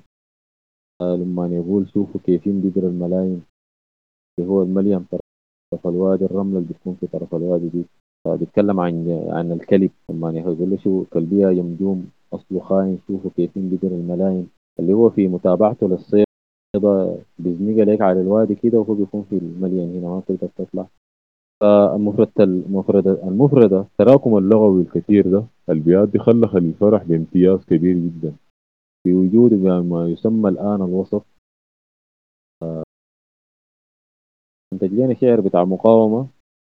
في في التصوير وفي تركيب القصيدة وبنيتها مختلف نوعا ما عن عن الناس اللي كانوا في جيله ذاك يعني. وغير كده في التجريب بتاعه يعني. تجريبه في الترميز. وكلنا عارفين قصة إنه هو تم استدعائه من قبل المفتش. ولما نحن غنى نحن الشرف البازخ في الكر باب النيل. فاستدعاه وقال له غنيها لي في المكتب. قال لي ده ما مقام بتاع غنى لو داير تعال لي في الصالون. يعني فعلا قد كان جاو. ورفضوا لأنه يوقع تعهد بانه ما يغني الغنى ده وكده يعني. فده ذاته موقف يعني. الوجود في المركز في أم درمان ونشأته بعد ذاك تاريخه الطويل أنا ما داير أختزل. خلاه إنه آه، يكون آه، رائد لمهرة بتاعت مقاومة. وفيها إفصاح. آه، إذا أنا هنا إذا إذا جاز لي أنا اتبنى أسلوب النقد اللي هو بيختص بالمتلقي بعيد عن التأويل والتفكيك المتلقي كان سهل له جدا إنه يتناول القالب بتاع خليل فرح في شعر المقاومة بتاعه آه بنفس النمط السائد وكده الما عرف بعد ذاك بأغنية الحقيبة أول قصيدة الغنائية في الوقت ذاك اللي كانت أوسع انتشار. القصيدة كانت بتنحت اللي هو كان فيها تنميط آه لحد ما للشعر لأنه كان ذاك المتاح المسموع يعني. الفرح جبي من خلال القالب ده ذاته اللي هو نحن الشرف البازخ على ميزان شعري آه آه متعارف عليه وعلى يمكن آه شكل بتاع قصيدة متعارف عليه قدرته على التجريب ما مادة فيه للظروف اللي في الوقت ذاك إنه الناس ما حدا تتلقى فلما يقول وقدرته على الترميز العالي لما يقول مثلا يعني لما يقول شوف نسيم الليل صاحي ماله. يا خالد تكلمنا في النقطة دي كثير شوف نسيم الليل صاحي ماله. طوالي في الوقت ذاك بتكون مفردة غريبة شوية تركيبة صورة غريبة شوية ما كثيفة لكن غريبة شوية. تأويلة محتاج لتجريب. نحن لما نجينا التراكم اللي هو بدأ منه وهو وعبيد وعبد الرحمن الرياح وانت ماشي مصطفى سند كل الزخم بتاع الشعر السودانيين مجيدين الدوش. لما نجي نقرأ لعاطف خيري شفنا الغيمة في صفحة مراية. السهلة تاكي رموشة. سنت في شديد القهوة جات الدوشة. الكلام ده ما حيبقى لنا غريب. لأنه نحن مرتكزين على على على إرث بتاع تجريب لظروف ما قدر يتمادى فيه. لكن قدر يشطح به أو في الوقت ذاك شطحة يعني. لما يقول يرمز متهلل صيف شتى عندك كيف أيوة. يعني المتهلل أيوة. اللي هو السحاب الأبيض اللي ما بيجي في الصيف يعني. شتى عندك كيف اللي هو تر... عندك كان إشارة للمستعمر. إشارة للمستعمر. فهو قدر يرمز وكثير عن خليل فرح شعر المقاومة امتد بعد ذاك لحد ما آه، آه، فيه فيه كان المباشر ناس يوسف التني آه، في الفؤاد ترعاه العناية بين ضلوع الوطن العزيز القصيد الأشهر. وفيه تاني يا غريب يلا لبلدك المباشر. أيوه. جينا لمرحلة ثانية اللي هي بعد بروز أو ظهور الأيديولوجيات أو ظهور اليسار وفي الشعر السوداني. وما في زول يعني حقيقة بيقدر يتجاوز محجوب شريف أو الدوش أو حميد. يعني يكون يتجاوز المفرد الدارجة في ال 50 60 سنة دي والتراكم ده كله بيكون يتجاوزه. فهو كان له دور آه، كبير جدا في في النظم وفي القضايا اللي بيتناولها ذاته. الموضوع ده قام شعر المقاومة ده تطور يعني حميد من نظم شعري للسرد من خلال الشعر. وعندنا سرديات كثيرة في شعر. حميد حتى أتكلم عنها آه الأديب صالح يعني لما يتكلم عن بتاع عبد الكريم هو بيتكلم على إنها ده عمل سردي. أيوه. حميت في الرجعه للبيت القديم في آه، عم عبد الرحيم في السر بتاع عوض الكريم في الجابرية. يتحول بالذات فيما داير يحدد موقفه من قضايا محددة بيقوم بيستدعي جمهوره اللي هو دائما الجمهور ده بتكون القصيده القصيدة عنده عبارة عن مسرح والكلام ده اتكشف لنا بقى لنا واضح في الضوء جهه التساب لكن أيوه.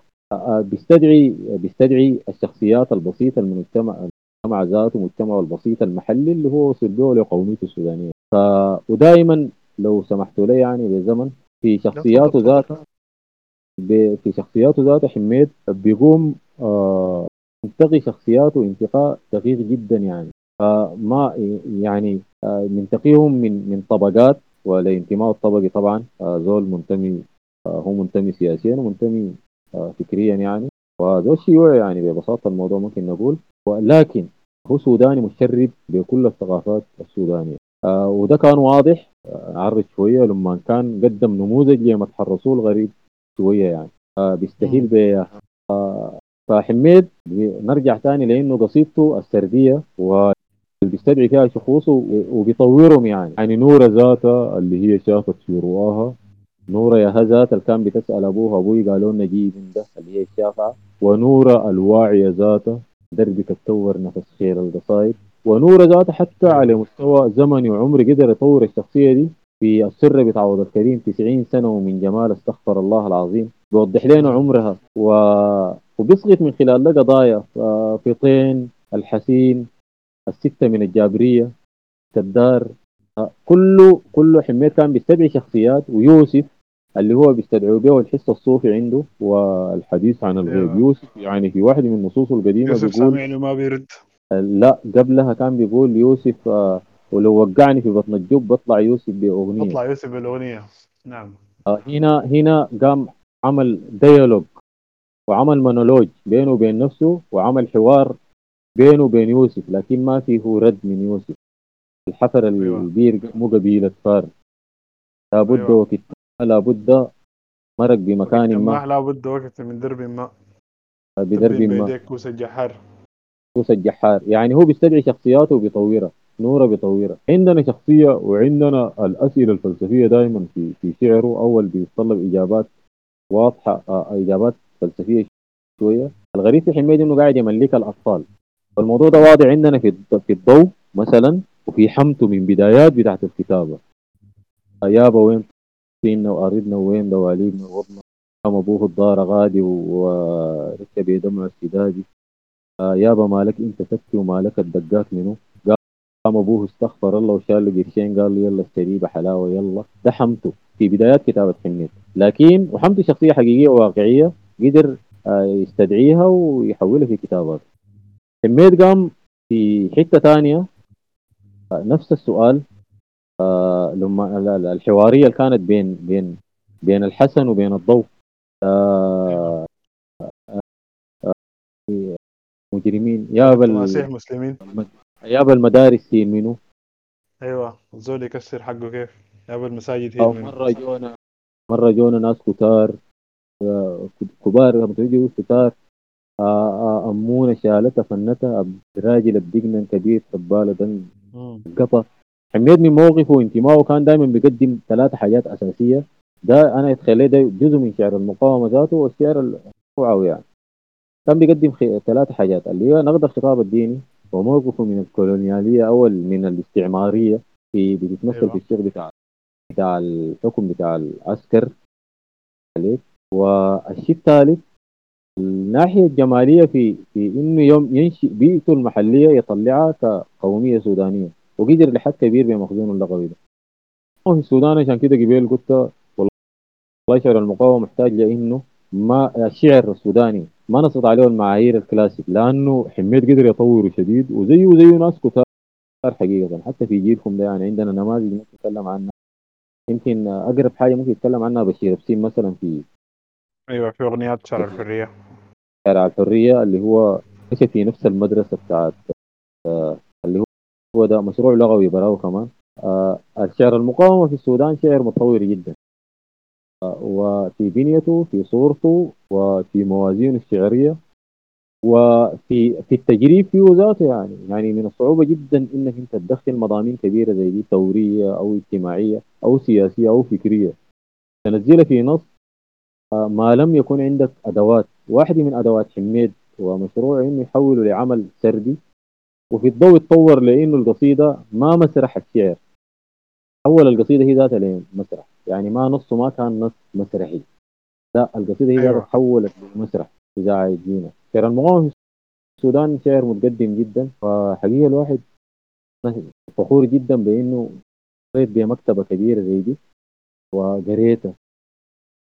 شكلت وعي بشكل كبير على مستوى شخصي على مستوى بتاع جيلي يعني كانت هي ملهمة ومدرسة بالنسبة لنا. القلبة دي حقيقة مشينا شوية مرقنا من شعر المقاومة. في زول مرق من الناحية بتاعت الغنائية السودانية اللي هو عبد الرحمن الريح. تكلمنا كثير عنه يا خالد. اللي هو بدأ يتكلم عن عن مضامين معنوية أكثر. هي أكثر. آه، وهي علي صوتك معلش. أسحار الجمال يا خالد عبد الرحمن الريح لما بيتكلم عنها أيوة، في أيوة. بيقول آه ما فضل فيني شيء خلاف الروح يت- يتكلم عن مضامين وصور جمالية ثانية ومع أيوة. و وعن المعنوي كثير. أيوة من ثرى الأشباح ليس من الأرواح. أيوه. النجي ده كله نقوم لما نقوم نعاين للثورة السودانية ديسمبر بالتحديد آه ثورة ديسمبر والانتفاضة اللي حصلت آه حصل إنه كل ال- ال- المواكب الأحداث كانت عبارة عن عن مسرح كبير يقال فيه الشعر يعني. هو كان في حد ذاته أيوة. قصيدة كبيرة. بالضبط. وكل الناس كنت عايز اللي أقول لك كنت عايز إيه أقول لك يعني إنه كل المواكب كانت عبارة عن عن قصائد والاعتصام الاعتصام كان هو عبارة عن شعر مسرح شعر كبير. كل الشعارات كل ال... كل ركن كان بتلقى فيه قصائد والقصائد زي حميد زي قصائد حميد زي قصائد آه، محجوب شريف كانت ده؟ في كل المواكب يعني. ومنا محجوب شريف؟ آه، يعني الجيل الجديد ده له يعني باع طويل في إنه يألف الرجز بتاعه الخاص به بيقدر يخاطب به ويطرح به قضاياه يعني. يعني أيوه ومنها الشعار بتاع الثورة ذاته حرية سلام وعدالة من البيت بتاع حميد متكفك يا بني آدم. حرية سلام أيوة. حرية. أيوه. أيوه بالضبط كده بالضبط كده. فانا في رأيي إنه الشعر آه، آه، ولا له آه، قيمة جمالية بس ولا قيمة معرفية بس. خلال ده كله انت لما يسوى الشعر موقف إنساني عظيم جدا. موقف إنساني عظيم جدا يعني. عظيم خالص. منو هسه على ما بتهزه تقوم ما نسمع المقدمة بتاعت عزة؟ مع الدبل كروش وعزة حيخش في عزة في هواء هي جدا. قبال إنها تكون آه، بتخاطب فيك آه، موروث كبير موروث كبير اللي هي عزة في هواك هو دخل الفرح يعني. فرح يتوفى سنة 1932 لو جينا مسكناه بشكل زمني. لكن أنا أنا حاقول لهم والله يا أخي حاطرح رأيي إنه نصوت على إنه عزه في هواك تكون هي. النشيد الوطني بتاعنا والله تستاهل يا بدل النشيد نتكرر ده. آه آه حقيقة آه أنا أنا تكلمت كثير لكن كان بالضرورة إنه الواحد ما في مشكلة. أنا بس اتذكرت حاجة بسيطة دار أعلق لك على تعرف مم. ال ال ال ال يعني اسمه شو النشيد النشيد بتاعنا النشيد الوطني بتاعنا نشيد العالم. مع إنه هو طبعا أنت لو لو لو لو قريته يعني خارج إطار الثورة وخارج إطار كده تلقاه حاجة تعبانة كده ومزعج يعني. لكن نشيد العالم ده يعني الزر كتبه ذاته ما كان بيتخيل ال- القيمة المعنوية بتاعته ولا الحمولة الثورية اللي أخذها نشيد العالم في الأيام الأولى بتاعت اعتصام القيادة. اللي هي الأيام اللي ما بين ما بين ابن عوف ما بين يعني بعد يشيلوا البشير وبعد ذاك يجي ابن عوف بعد ذاك يجي برهان. في يوم أنا بتذكر كان الناس كله راس ساعة. يعني الكلام ده من زي الساعة تسعة كده مسا ولا عشرة مسا كله راس ساعة. الناس كلها بتجي في القيادة وبتشغل فلاشات وبتقول نشيد العلم أيوه. الحاجة دي كانت حاجة يعني مهيبة مهيبة مهيبة لدرجة بعيدة. لدرجة بعيدة جدا يعني الحاجة دي أنا ما أعرف العساكر حيكون حيكون إحسان شنو لكن أنا لو كنت مع العساكر ديل كنت حخاف تماما يعني. كنت حخاف هي لا- حقيقة لأنه لأنه ال- المنظر ده أنا أنا كنت وسط الناس وكانت شعر جلدي قايمة. يعني أنا كنت وسط الناس وكنت حاسس بالهيبة بتاعت ال... بتاعت ال... بتاعت الحاجة دي. خليك من تكون أنت في الطرف الثاني يعني الحاجة دي اللي عملت لك أنت كتخويف وكتهديد وكنحن هندا قاعدين ونحن صاحيين ونحن قاعدين هنا ما متحركين يعني. ف رأيته الشعر موجود في كل ال... في كل في كل الخطوات بتاعت الثورة. يا وهيب لو قريت لنا وعمار يقرا لنا آه ناخد أوه. جولة أخيرة بتاعت قراية وبعد ذاك عشان آه آه نختم اليوم على كده وممكن نواصل بعد ذاك ونسى يعني. كلام إحنا داير انك تقرا لنا اسيو عشان هتختم لنا انت برضه. سمح اتفضل. ممكن اقرا آه، في زمن وجيز اتفضل طوال. أنت روحية بس علي صوتك يا وهيب. عين صوتي ما واضح؟ ده كده واضح. واضح؟ أيوه نعم. مش ليه في نص بس لأنه أنا قاعد أقرأ من من دي. تمام ما في مشكلة. عمار جاهز؟ ما ما سامع. هو يا عمار سامعنا ولا ما سامعنا؟ سامعكم إذا جاهز أقرأ لغاية ما وهيب يلقى النص الداير يقراه تمام. تمام. طيب نقول روح. قول تباريك الأغاني لحد آخر خطوة في درب العشم. تباريك الأغاني لحد آخر خطوة في درب العشم. وبعد ده كله بينهدم. يا هفي كل القوافي وكل لحظات الندم شايلة تيراب نبض في إيدها وتشتي للروح في العدم النهر جواك ولا روحك هي المجدولة في نكم سكة وصريف. أنا أصلي جاييك أستبيح نبضك عليه بابك أجيف وأجيف عليه تلك الهوامش والصياغ الوهمي للصمت المخيف. الروح تناجي الغربة تهمس بالحقائق زي كأنه البوح بدايات الخريف.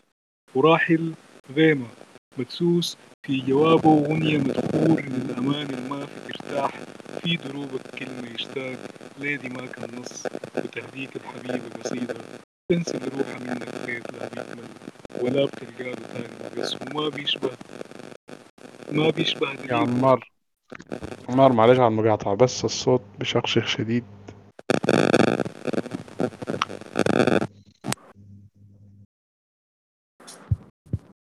تمام نبدأ ثاني. هاي من أول. تباريك الأغاني لحد آخر خطوة في درب العشم. وبعد ده كله بينهدم. يا هفي كل القوافي وكل لحظات الندم شايلة تيراب نبض في إيده تشتي للروح في العدم. النهر جواك ولا روحك هي المجدولة في نكم سكة وصريف. أنا أصلي جاييك أستبيح نبضك. عليه بابك أجيف وأجيف. عليه تلك الهوامش والصياغ الوهمي للصمت المخيف الروح تناجي الغربة تهمس بالحقائق زي كأنه البوح بدايات الخريف. وراحل غيمة مدسوس في جواب أو غنية مدخور للأمان الما في ترتاح في دروبك كلمة يشتاق لدماك النص. وتهديك الحبيبة قصيدة تنسل روحها منك خيط لا بيكمل ولا بتلقى له تاني مقص. وما بيشبه دليل روحك حكاوي الليل ولا النجم الشمال النيل ولا النهر القريب جدا وساقية بتسقي في غيرك ولا القنديل ولا السكة اللي بتوقد فيك غناوي الليل ولا الحلم الشمال النيل ولا النهر البعيد جدا سرابه بيسقي فيك انت ولا الإزميل ولا بيعنيك شرود الغابة من قلب الغزال دا من تريمك ما ظهر في بدايته لام أبدا ولا ترسم في آخره دال وأنا ما غريب. أنا ما غريب لولا البلاد في كتفي رسمت ضحكة أولى وسايس الجرح القديم وبدون حس وريته مفتاح لجرح داكن ملامحه الغيمة والمطر السحاب. أنا ما غريب لولا البلاد شالت ملامح السكة وهدتنا الرهاب. أنا ما غريب لو مرة حيل أهداني جنحين السراب. لو ما الحنين أنا ما غريب لولا التوازن بيني بينك والعذاب. ولو بالجروح نرتك جروح هذه البلاد ونطيب. نغني الشوق نغني الحب نطيب منا المنافي نطيب من ذكرياتنا نطيب النيم معودة يطيب ولو يوصل غنانا. حبيب نغني الكيف وكيف في القلب ماتت غنوة يوم رحلت طيور الإلفة قابلت المحطات والمطارات سكك الحديد القيفة المركب رهاب أنا ما غريب. ما غريب لولا الثواني وفكرة البوح. لولا الرصاص والفكر مجروح كيف الخلاص هاك؟ قلبي مفتوح وأنا اعمل إيه من الغربة في الروح؟ روح المشحتفة في المكان مقسومة بين الأزمنة. وتميل إذا ضحك الحبيب ما حن قلبه يوازنة. روح المساسقة في الدروب الماشة للا أمكنة. يشفيها حس حبوبة تهدي مع الزمان؟ كل الحكاوي الممكنة. يشفيها قول؟ يشفيها عود؟ يشفيها ذكر المصطفى؟ ويرتب الليل مصطفى وترتاح حمامة. عليه حراز القلب يوم القاك هنا نتلم هنا كل الصحاب بضحكة تحكي الشوق هذا. عجز السياق. وأنا الآن انتظار الدهشة الكبرى مواقيت التأني في انتظار الحرف من لغة العقيمة والفراغ. النص عانق شرفة الموت الأخيرة في دمي ثم انتحر. تلويحة للمجد أو للموت كانت ثم غادر منزلا في الروح في أقصى يسار الذكريات كأنه ما عاد تنقصه حياة. أو حياته بات ينقصها سفر. إيقاع نبضي خطوه.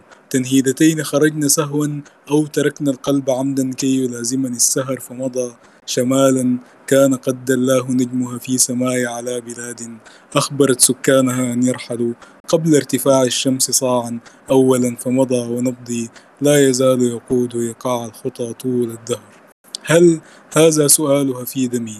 متى هذا سؤال للصحاب؟ ويظل في نبضي سؤال هل لي جواب؟ قلنا قديما أن هذا النهر يجري في دمي ويصب في عيني. إذ كان قنديل يغني كلما ألقاك هو الآن يسلبني دمائي ذاتها ويغير التكوين في شكل الأجنة إذا راك وأنا ما غريب لو مل هناك أرواح هنا وروح البلاد. في المنفى ذاك أرواح هنا وروح البلاد. في المنفى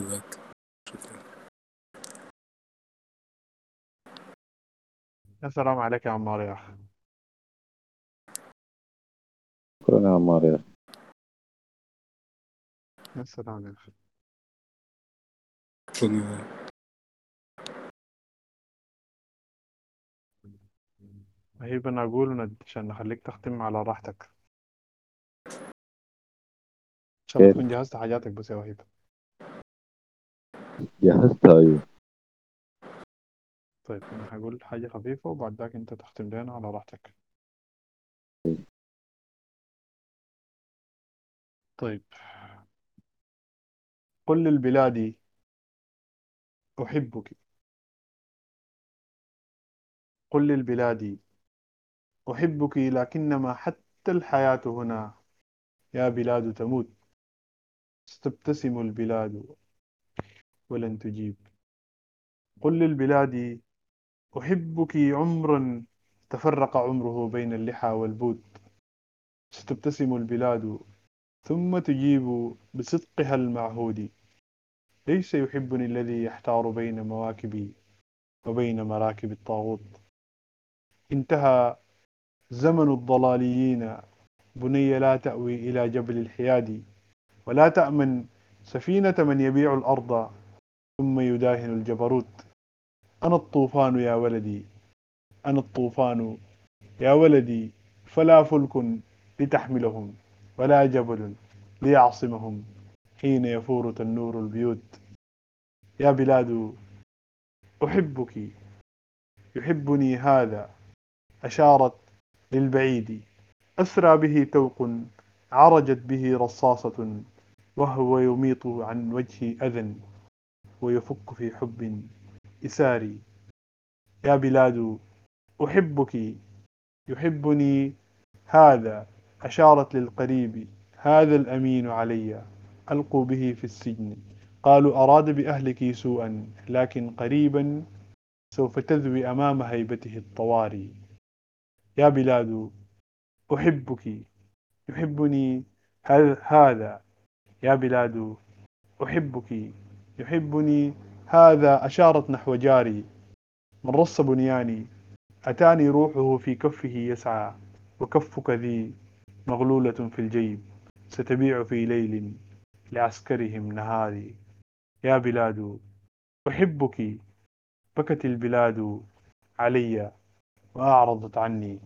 تحب نوري يا بني وغيرك يصطلي حبا بناري. نادى البعيد حبيبتي نادى البعيد. حبيبتي دنت البلاد إليه وقبلته صورة في حضن أمه ثم قالت يا حبيبي. تفضل يا وهيب. شكرا يا خالد. ما أعرف نعم يا طيب. طيب.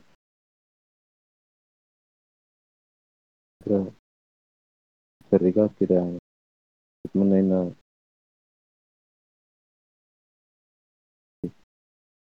علي صوتك بس يا وهيب كويس. أنا الوحيد في المسيرة. أنا الوحيد في المسيرة.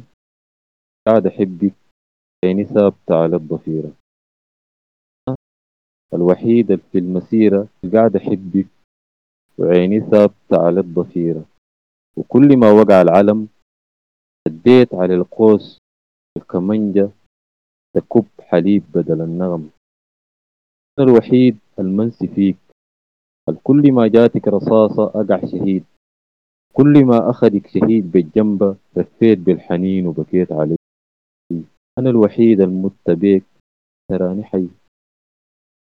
كان مضاريك في العلن. كان بصحيك في الوسن كل ما طلعت مسيرة وكنت بحلم بك وطن.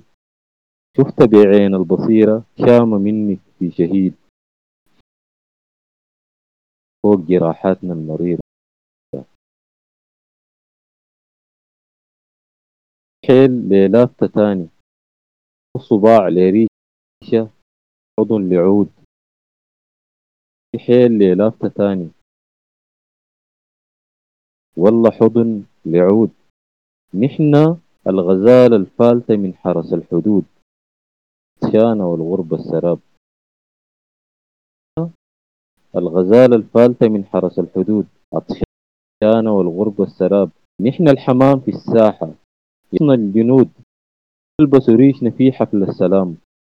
ويشيلوا من الغرنوق نعيش للنازحين. نحن الغريبين في الختام. قريبين للحقيقة ومبعدين. بين بين في الخصام. في بال العدو. والصعاليك عند أهلنا الحلال في إفتة اسم البندقية. بيناتنا الأخيرين الشوية المؤمنين بيدي القضية. ما في حيل ليلافتة تطلع أختك الضابة وحترجع. في الأخير لكيس مخدة خايفة من نوم المقطع؟ خايفة من نوم المقطع؟ يرموك في النيل وينادوك. يا غايب الجنة مقبلة لا جاي.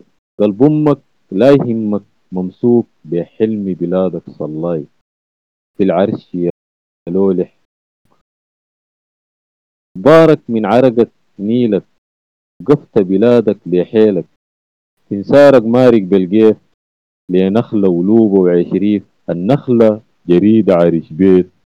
عصفورة تتمر في نشيدة. عصفورة خياخد بإيدة. الخيمة النيمة الجامعة الكبري وميدان الجامعة. توهان الشارع في نفسه. جم ميري صخب الحرية لصاحب في اللمة يخاطب بكرة قصاد البحرية. يا نيلك حبانك جوك يا روحك غيمة وراحلة الفولة حفيرة البوغة. دير موية أبو برندوك. حليب ليمين ابن مجوك.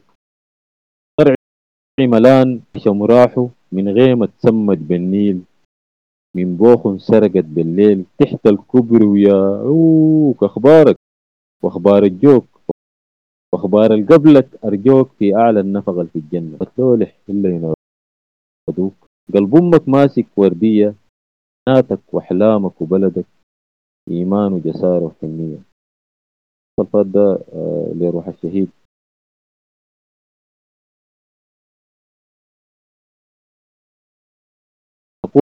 قول الجدارية. صام انتشى قول الجدارية. والصام انتشى هو يكمل رسم الندب بين حاجبيك. فقطبت الجبين فابتسم الحمام. فابتسمت بآخر ما رأيت. السماء الصافية. أصل مدبر شجر العتيق. من بلاج الفجر. بإذانة بعيدة خلف النفق. الحبيبة الأم وقصيدة ميري في قصاصتها الأولى وأثر الفراشة يقول الجدار بنتني الصدفة الخوف من اللصوص في شارع القصر. ما واستشهد وأنت قلت كما ترى حقيبتي شوارع في قاع السديم وخدود الجرح والدم على الأسفلت والإطارات ولا عليها. وتمضي إلى حتفها القادم مشتعلة في شارع البلدية القديم قرب الدائرة شارع الشهيد السلام ظهيرة الخميس أنا الغريب الوحيد الذي في الخيمة المفترضة الواقف في ظل علامة النصر النصر الزائف والجندي الديدبان ود لو قتلني فأنا ذاكرة الكل وكل شيء. أرى خوفه منه من علامة النصر حيث القطار استراح والجندي أناخ بلاده تحت كاب الجنرال الكبير فانتحب. يغطفن نيئات فيغمض يسكبن على الآتي فينسحب. البنات اللائي نجون بالانتحار مجازا. في ظهيرة الخميس الإدارية حدثتني وقالت كل شيء ومضيت غائبا فيك. علمني الندى. جيب من بكدة. شباك الغياب مفتوح كالمدى. شارع منعطف من لام الألف. فاتح فيه باب. مفعم بالصدى من فرط الظنون في ظل السقف. شارع منعطف من لام الألف فاتح فيه باب مفعم بالصدى من فرط الظنون ظل السقف.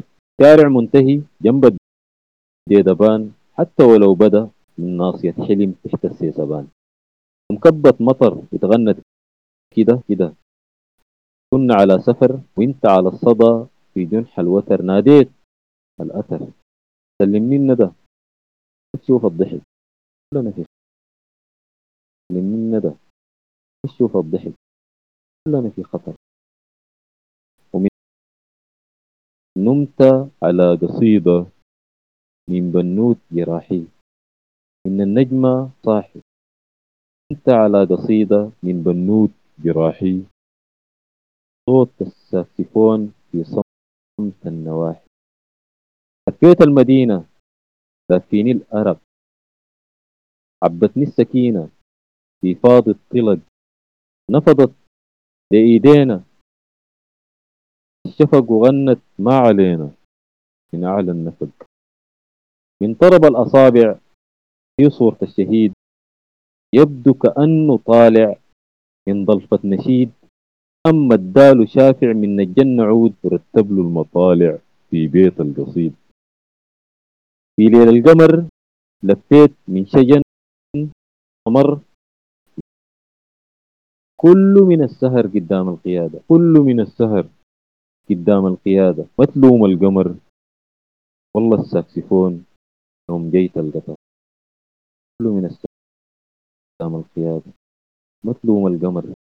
والله الساكسفون جيت القطر.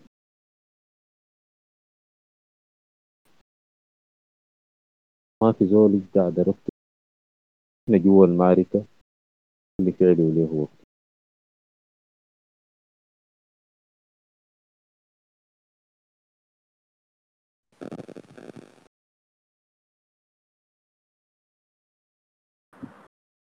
شكرا جزيلا يا وهيب. شكرا جزيلا يا خالد. شكرا لك يا أخي. شكرا يا عمار. شكرا يا خالد. وخالد وأنا بس عندي كلام داير أقول وهيب لكن ممكن بعد ما يقفل التسجيل لا لا تفضل. آه، أوكي طيب آه، شكرا يا أيوه. مصطفى وعمرو على اليوم ال- ال- الظريف اللي عملتوه لنا. عصمت على الترتيبات. وكنا متمنين إنه يكون بشير معانا لكن إن شاء الله جايات إن شاء الله. آه، دي كانت جلسة في في ذكرى 30 يونيو. ومهداة لأرواح شهداء ثورة ديسمبر المجيدة. آه، شكرا لكم على جزيلا آه، خالد وعمار وهيب يعني باسمي وباسم كل المستمعين. يعني الواحد ما قادر لكن استمتعنا جدا جدا جدا. يعني ال- الكواريك في الدردشة النصية دي كواريك فعلية لكن ما عايزين نفتح المايكات عشان ما نقطعكم. كنا فعلا مستمعين ومستمتعين يعني. فشكرا لوقتكم شكرا لإبداعكم. آه، رحم الله شهداء ثورتنا المجيدة. ويديكم ألف ألف عافية جميعا. أتوقع أنا بتكلم باسم كل الناس اللي بتستمع كلهم عايزين يعني يقولوا نفس الكلام ده. يشكركم جدا جدا. شكرا يا شباب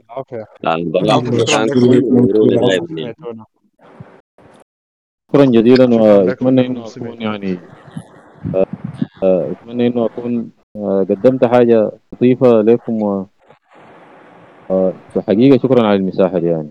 كتر خيركم كثير الله يعطيك مكانك يا وهيب. ومكانك يا عمار. العفو يا خالد. شكرا جميعا.